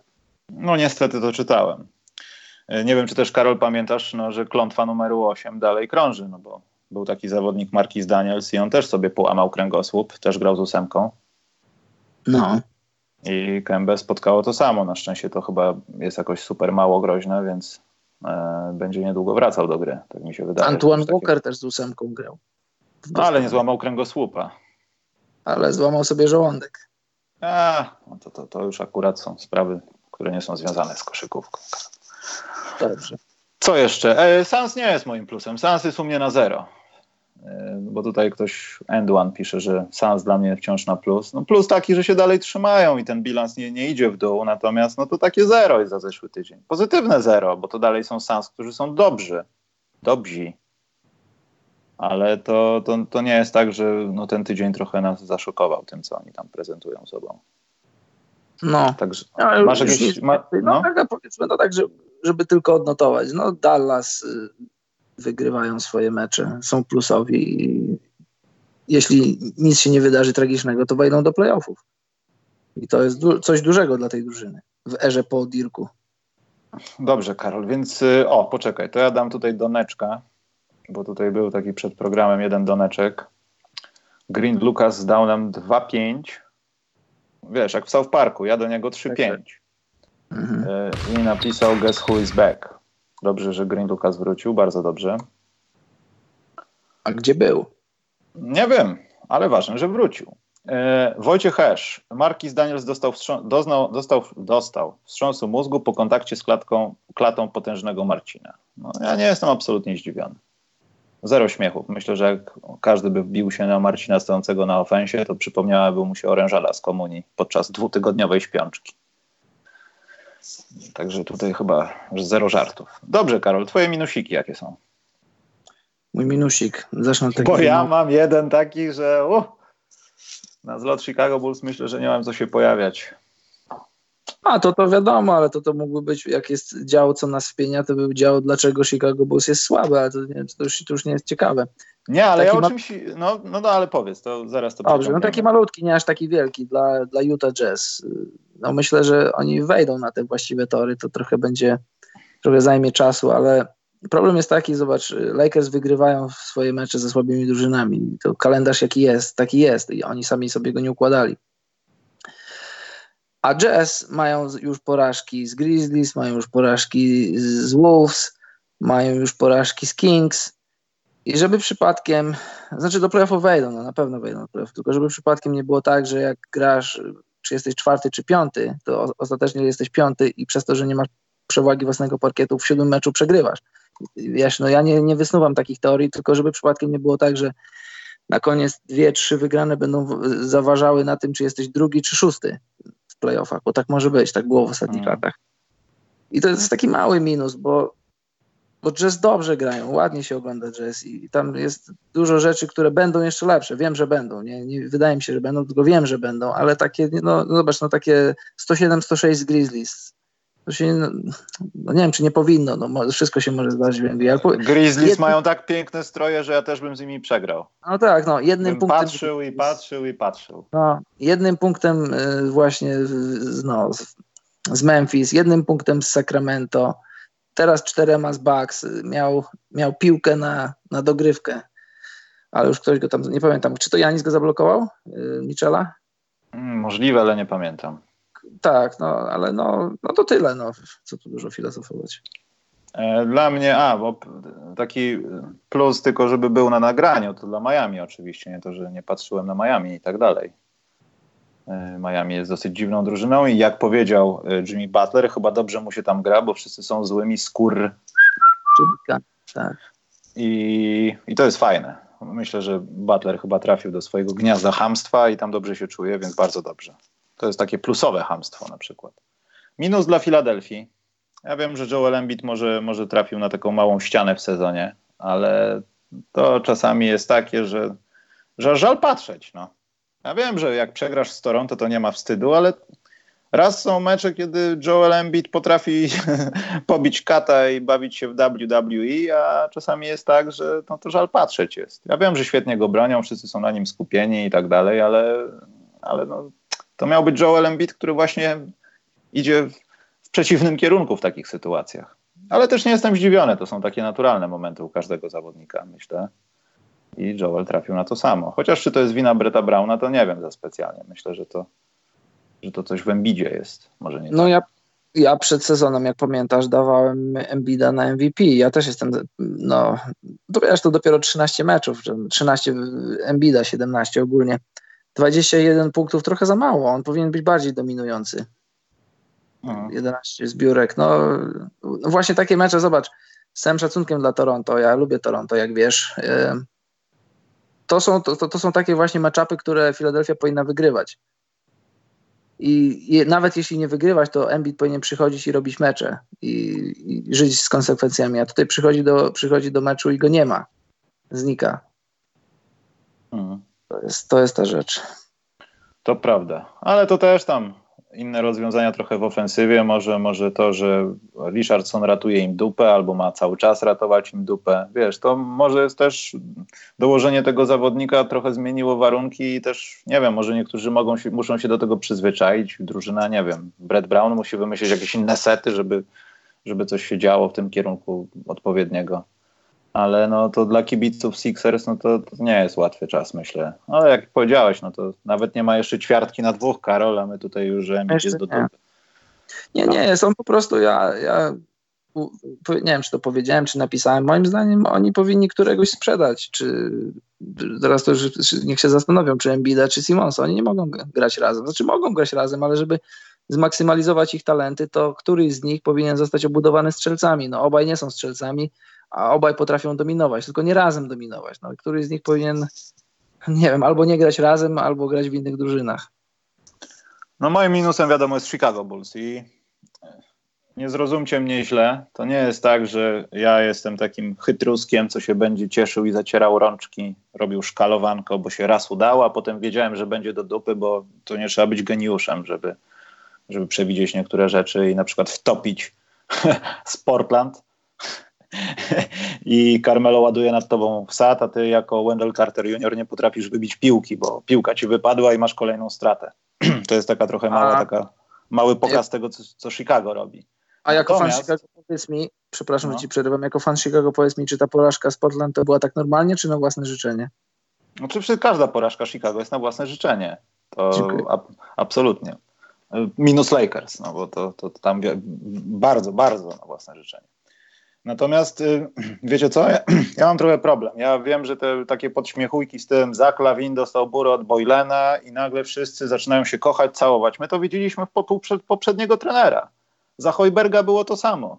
Były jakieś niesnaski w szatni, nagle była powiedzmy taka gospodarska rozmowa, tak jak Władimir Putin przychodzi i rozmawia ze swoimi ministrami w fabryce i nagle wszystko jest dobrze. I nagle cały świat zwariował, bo Chicago wygrało mecz w taki sposób, że tak naprawdę Charlotte Hornets dało im dwa prezenty w końcówce, które Zaklawin wykorzystał albo wykorzystała cała drużyna. I powiedzmy, gdyby nie to, że Wendell Carter Jr. złapał piłkę gdzieś tam w połowie boiska, to mogłoby być inaczej, bo tam jeszcze można było trafić. Natomiast byłem absolutnie pewien, że to nie doprowadzi do niczego. Że Zaklawin po tym meczu, jak cały świat oszalał, że rzucił 13 trójek, no naprawdę świetnie, po prostu tak się śmiałem z tego listingu, że Steph Curry 13, on 13. Co z tego, że on rzucił w tej drużynie 13 punktów przeciwko Charlotte Hornets? 13 trójek, przepraszam. Co z tego, że rzucił tego game winnera, skoro to się w ogóle nie przekłada na grę drużyny? A grali Charlotte Hornets. Z drużyną, która faktycznie jest dobra w końcówkach, ale ma inklinację do tego, żeby brzydko mówiąc ssać w końcówkach. Bo po prostu hmm. są słabi, ale tam jest plan taki, że jak odszedł Kemba, muszą być słabi, rozwijają tych swoich zawodników i to i tak pięknie wygląda i gdybym miał wybierać, to bardziej wolałbym być kibicem Charlotte teraz niż Chicago. Ale to jest żałosne, że ludzie postrzegają, że Zach Lawin rzucił te 13 trójek i teraz będzie dobrze. Wcale nie będzie dobrze. To tylko jest pokazane, poka ukazanie tego, jak beznadziejnie jest w Chicago. Gdzie jest Laurie Markanen? Przecież Laurie Markanen jest gościem, który za rok, dzięki temu, co dzieje się w Chicago, i tutaj powstaje pytanie, czy oni go przeciągają, jak torturując go niemalże jak Luola Denga kiedyś, że jeśli jest faktycznie kontuzjowany, posadźmy go na dupie, dajmy mu się wyleczyć, a jeśli słabo gra, zdejmijmy go z piątki, nawet jeśli to jest kosztem G-League, to zróbmy to. Bo i tak idziemy donikąd. I jeśli tak dalej pójdzie, Markanen, czyli bardzo duży europejski talent, zostanie bastem draftu. Albo już praktycznie jest. Bo on nie daje nic drużynie, ale to nie jest chyba jego wina. To jest wina tego, co się dzieje wokół tej drużyny. Bo gdyby teraz był Karol początek sezonu, ja bym nigdy nie powiedział tego, że Markanen będzie wartością dodaną dla Chicago Bulls. Ostatnio wygląda fatalnie. No ale wiesz, on jest. On latem będzie negocjował kontrakt. Im słabszy będzie miał sezon, tym Bulls będą mogli mu dać mniej. może, coś, może jest jakiś ukryty sens w tym. No ale wiesz, Karol, no to, to powracamy do tej dyskusji z sędziami. No. To jest tak trochę, że ty zabierasz mu te dobre rzeczy, grając nim albo grając nim w ten sposób. Nie, no jasne, tutaj jasne. doskonale Łukasz wypunktował. Przecież mógł spokojnie Lawin na dogrywkę rzucać. To właśnie idealnie pokazuje sytuację w Chicago. To jest takie hura do przodu. A, mam piłkę, rzucę trójkę, jestem za klawin, gówno bronię, ale przecież wypadła piłka, no to był przechwycik, a tak naprawdę zawodnik Charlotte nie złapał jej. Ktoś mu nie powiedział, że ktoś biegnie z pleców i za klawin włożył rękę, piłka wypadła, był przechwyt, pobiegł na trójkę, nikt go nie pokrył. Pyk. Wcześniej to samo stało się z Satorańskim. Rozrzucili świetnie piłkę, obrońca nie nadążył, wpadły punkty.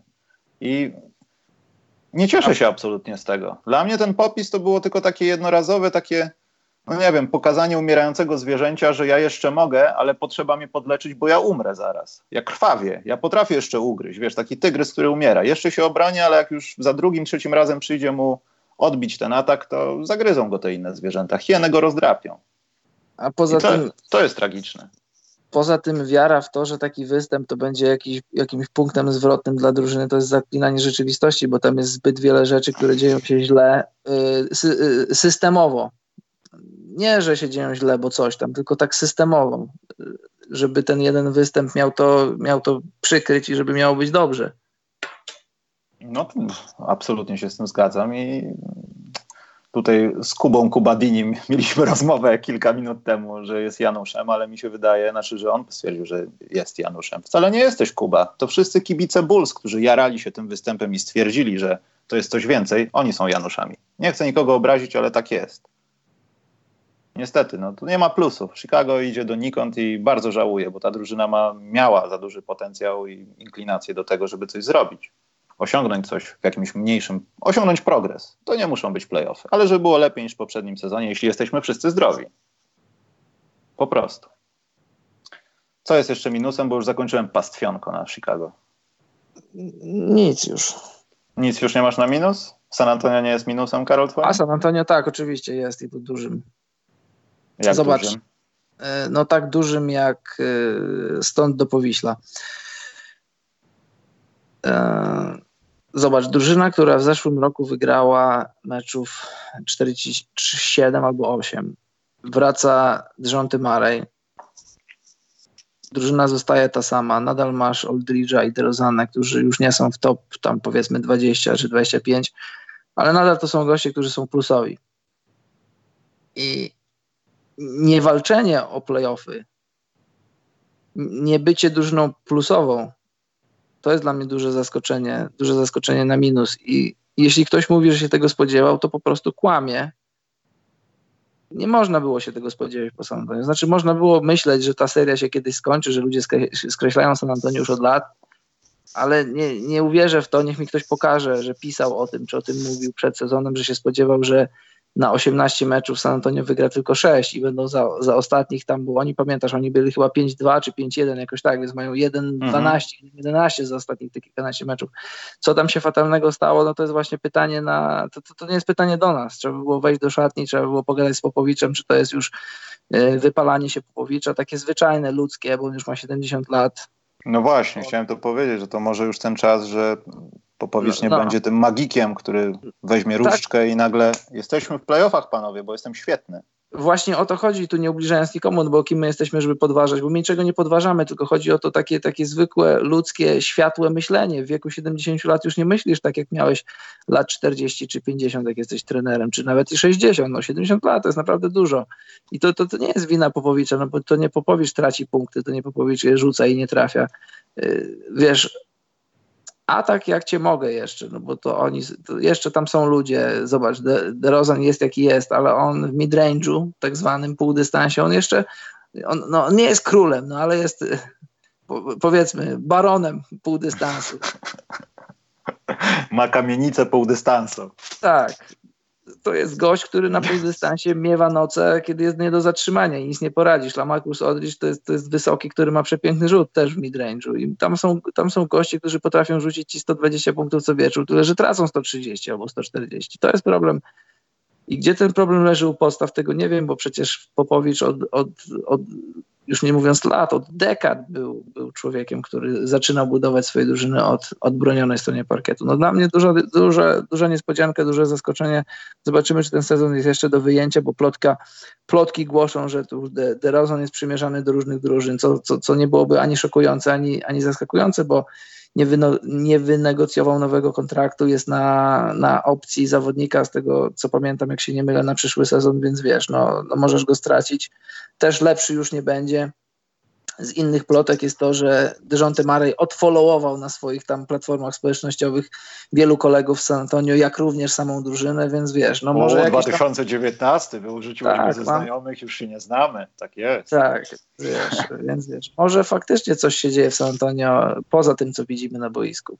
A pamiętasz ja nadal... Browna, jak miał 92 lata? On też tak. powoli pokazywał takie sygnały, że może nie nadąża za tą koszykówką, natomiast ja bym trochę pobronił Popsa, z jednej przyczyny. Może po prostu koncepcja tej drużyny nie jest taka, która pasowałaby do tego, co Popowicz potrafi zrobić. Lamarcus Aldridge jest dalej ich zawodnikiem, z którym trzeba się liczyć, ale to chyba już nie jest też taki czas, gdzie możesz się spodziewać, że ten kąt 45 stopni będzie ci zawsze, przezawsze wpadał i będą game winery za game winerami.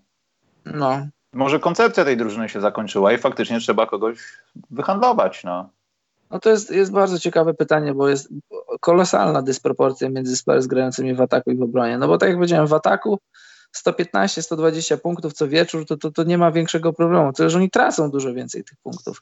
A, a jeszcze wracając do tych rzeczy, które w szatni. Zobacz, ja, ja nadal uważam i myślę, że po latach się o tym dowiemy, że zobacz, gdyby ktoś ci powiedział, czy uwierzyłbyś i czy, czy nie uważasz, że ta sprawa śmierdzi. Tony Parker gra kilkanaście lat w San Antonio, zdobywa tytuły, jest MVP finałów, po czym na rok odchodzi do Charlotte, po czym kończy karierę. No, nie, po prostu nie. Tam się, tam się nie wszystko odbyło tak, jak miało się odbyć i nie, na pewno nie poszło o pieniądze. Nie wiem o co poszło i nie wiem, czy się o tym dowiemy, ale jestem przekonany, znaczy bardzo bym się zdziwił, gdyby po prostu się, gdyby po prostu Tony Parker chciał zmienić otoczenie. Tak się nie robi, nie taka wielka gwiazda, nie w takiej organizacji Tim Duncan tego nie zrobił, mógł zrobić. Ginobili mógł zrobić, nie zrobił. Wielu innych tego nie zrobiło. Tony Parker też by nie zrobił, gdyby coś nie było na rzeczy. Nie wiem, co to było, ale myślę, że było. Jestem przekonany, że było.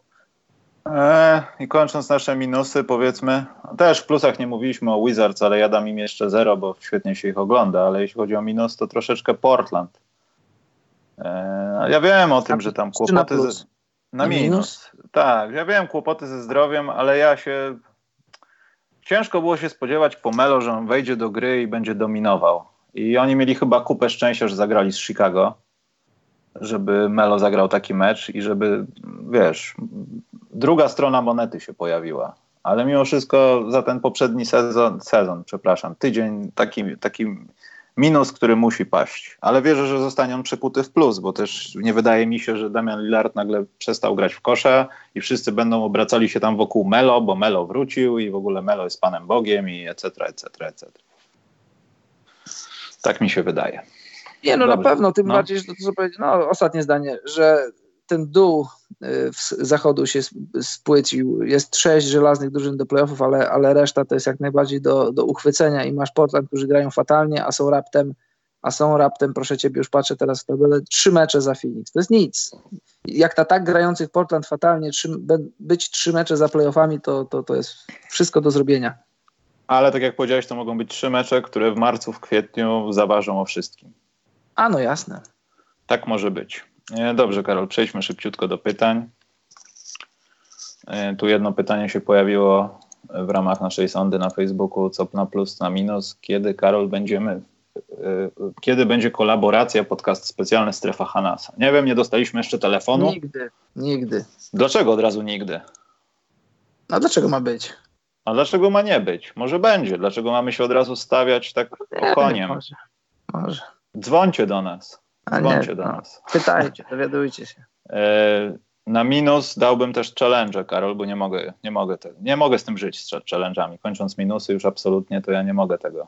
Nie, no powiem nie, ci, że tak, ja na początku byłem, byłem, na tak i co do zasady mi się podobało, tylko że wiesz co, problem dla mnie jest taki, że, e, że jak trenerzy challenge'ują i patrzysz na powtórkę i widzisz, że tak, on ma rację, to, to, to w świetle przepisu czy rozumienia tego challenge'u ta, ta rzecz musi być ewidentnie, ewidentna, widoczna do tego, żeby, żeby trenerzy zmienili zdanie. A czasem moim zdaniem wystarczy, że nie musi być 100 do 0, niech będzie powiedzmy 70 do 30, żeby zmienił, a oni wtedy, a oni nie mogą, czy nie mogą, czy nie chcą i nie zmieniają, choć widać, że najlepiej byłoby zmienić decyzję. Tak jak wracając jeszcze raz do tego meczu Dallas, Dallas Houston, ktoś skakał na zbiórce, nie pamiętam, ktoś skakał na zbiórce sędziowie zagwizdali faul, najpierw na Hardenie, D'Antoni challenge'ował, e, Hardena nawet nie było, nawet krzyczy I didn't touch him, mówi, wiesz, to już mówi z parkietu i faktycznie Hardena przy tej akcji nie było, nikt go nie dotknął, tam ktoś może tam minimalnie palcem i wtedy mówią tak, dobrze, to nie będzie faul Hardena, tylko będzie twój,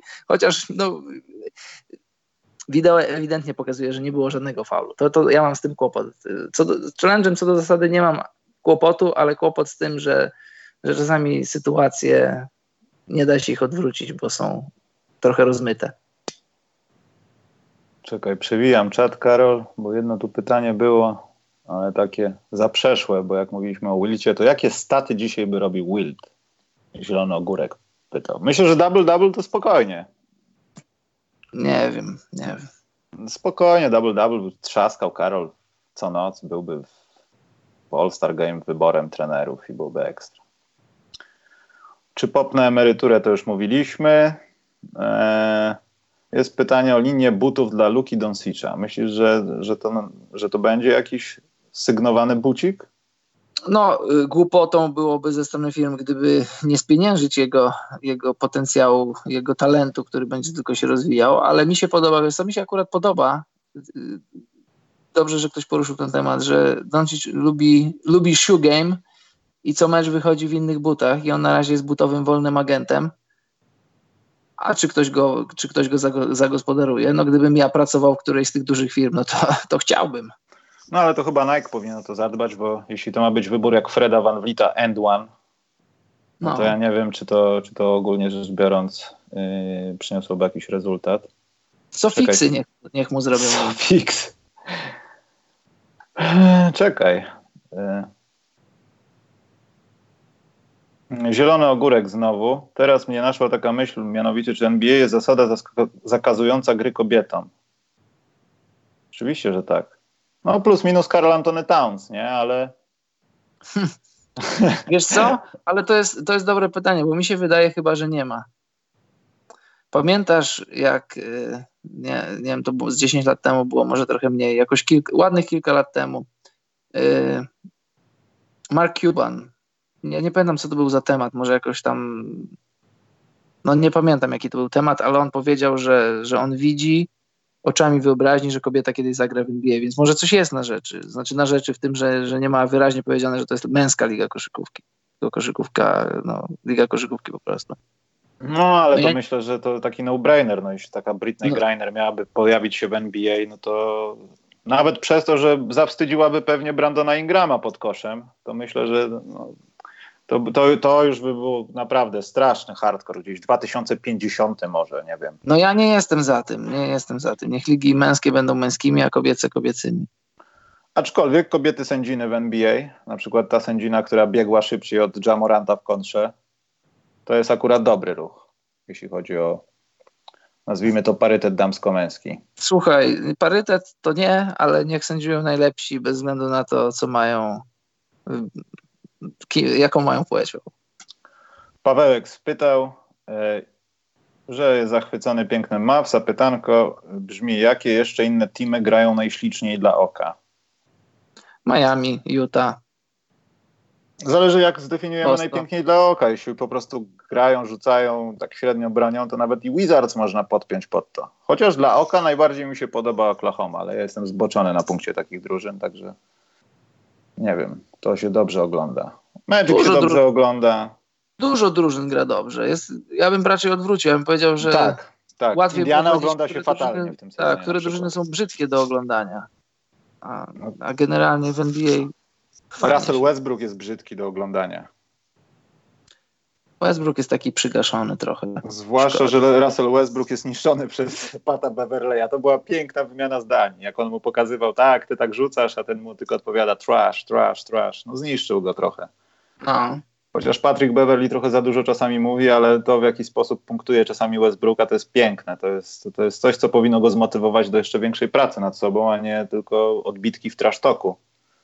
Ale no też Westbrook jest takim trochę minusem jakby i to chyba całego sezonu póki co, bo są momenty, kiedy się tam pasuje do drużyny, ale jest więcej tych momentów, kiedy on do niej nie pasuje. I tak jak biega.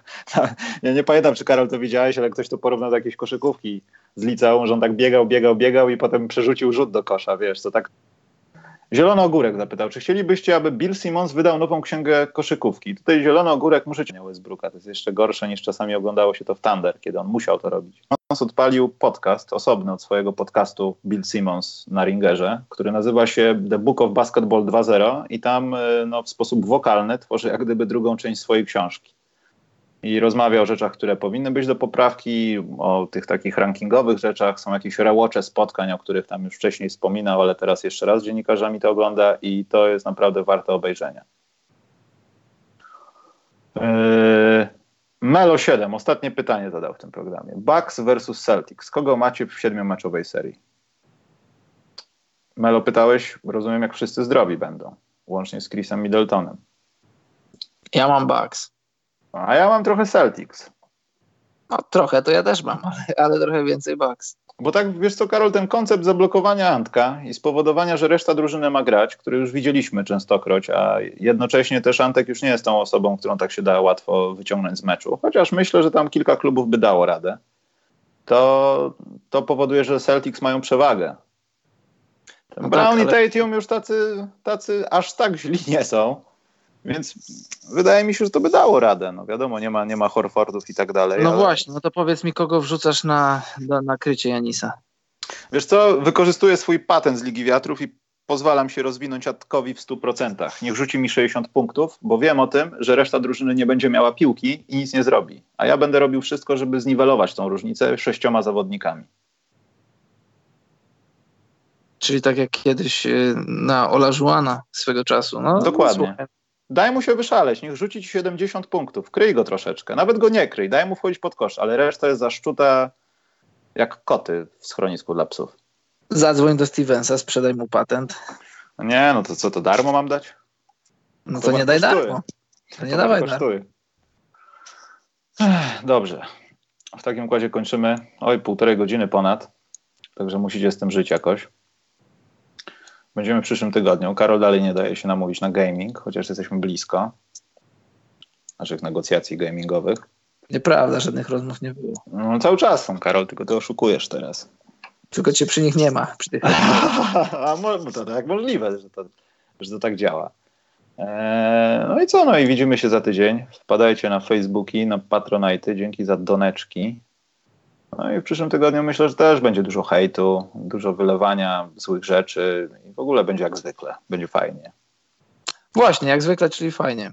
Dziękujemy za dziś i dobranoc. Poczekaj, poczekaj. Maciej Paweł Kucharski. Czy Doncic ma taki skillset, który sprawia, że jest najtrudniejszy do wyłączenia z gry z, z obecnie z NBA? Tak. Nie wiem. nie, szczerze mówiąc też nie wiem. Bo ja chciałbym zobaczyć Doncicza w tym roku w playoffach, jak gdzieś jest w drugiej rundzie, dajmy Boże, i, i jest naprawdę szczuty, bo to są te mecze, kiedy już nie ma, nie ma przebacz, nie ma wróć i tak dalej. Tak, tak a poza tym to jest, to, to jest taki temat, który też moglibyśmy rozwinąć teraz na pół godziny, no bo co to znaczy to znaczy najtrudniejszy do wyłączenia z gry. To, umiejętność zdobywania punktów to jest mieszanka y, talentu, siły, wyszkolenia i, i wszystkiego i teraz kładziesz na szali Doncicza i, i Janisa i którego z nich bierzesz, żeby ci utorował sobie drogę do zdobycia punktów. No trudno powiedzieć.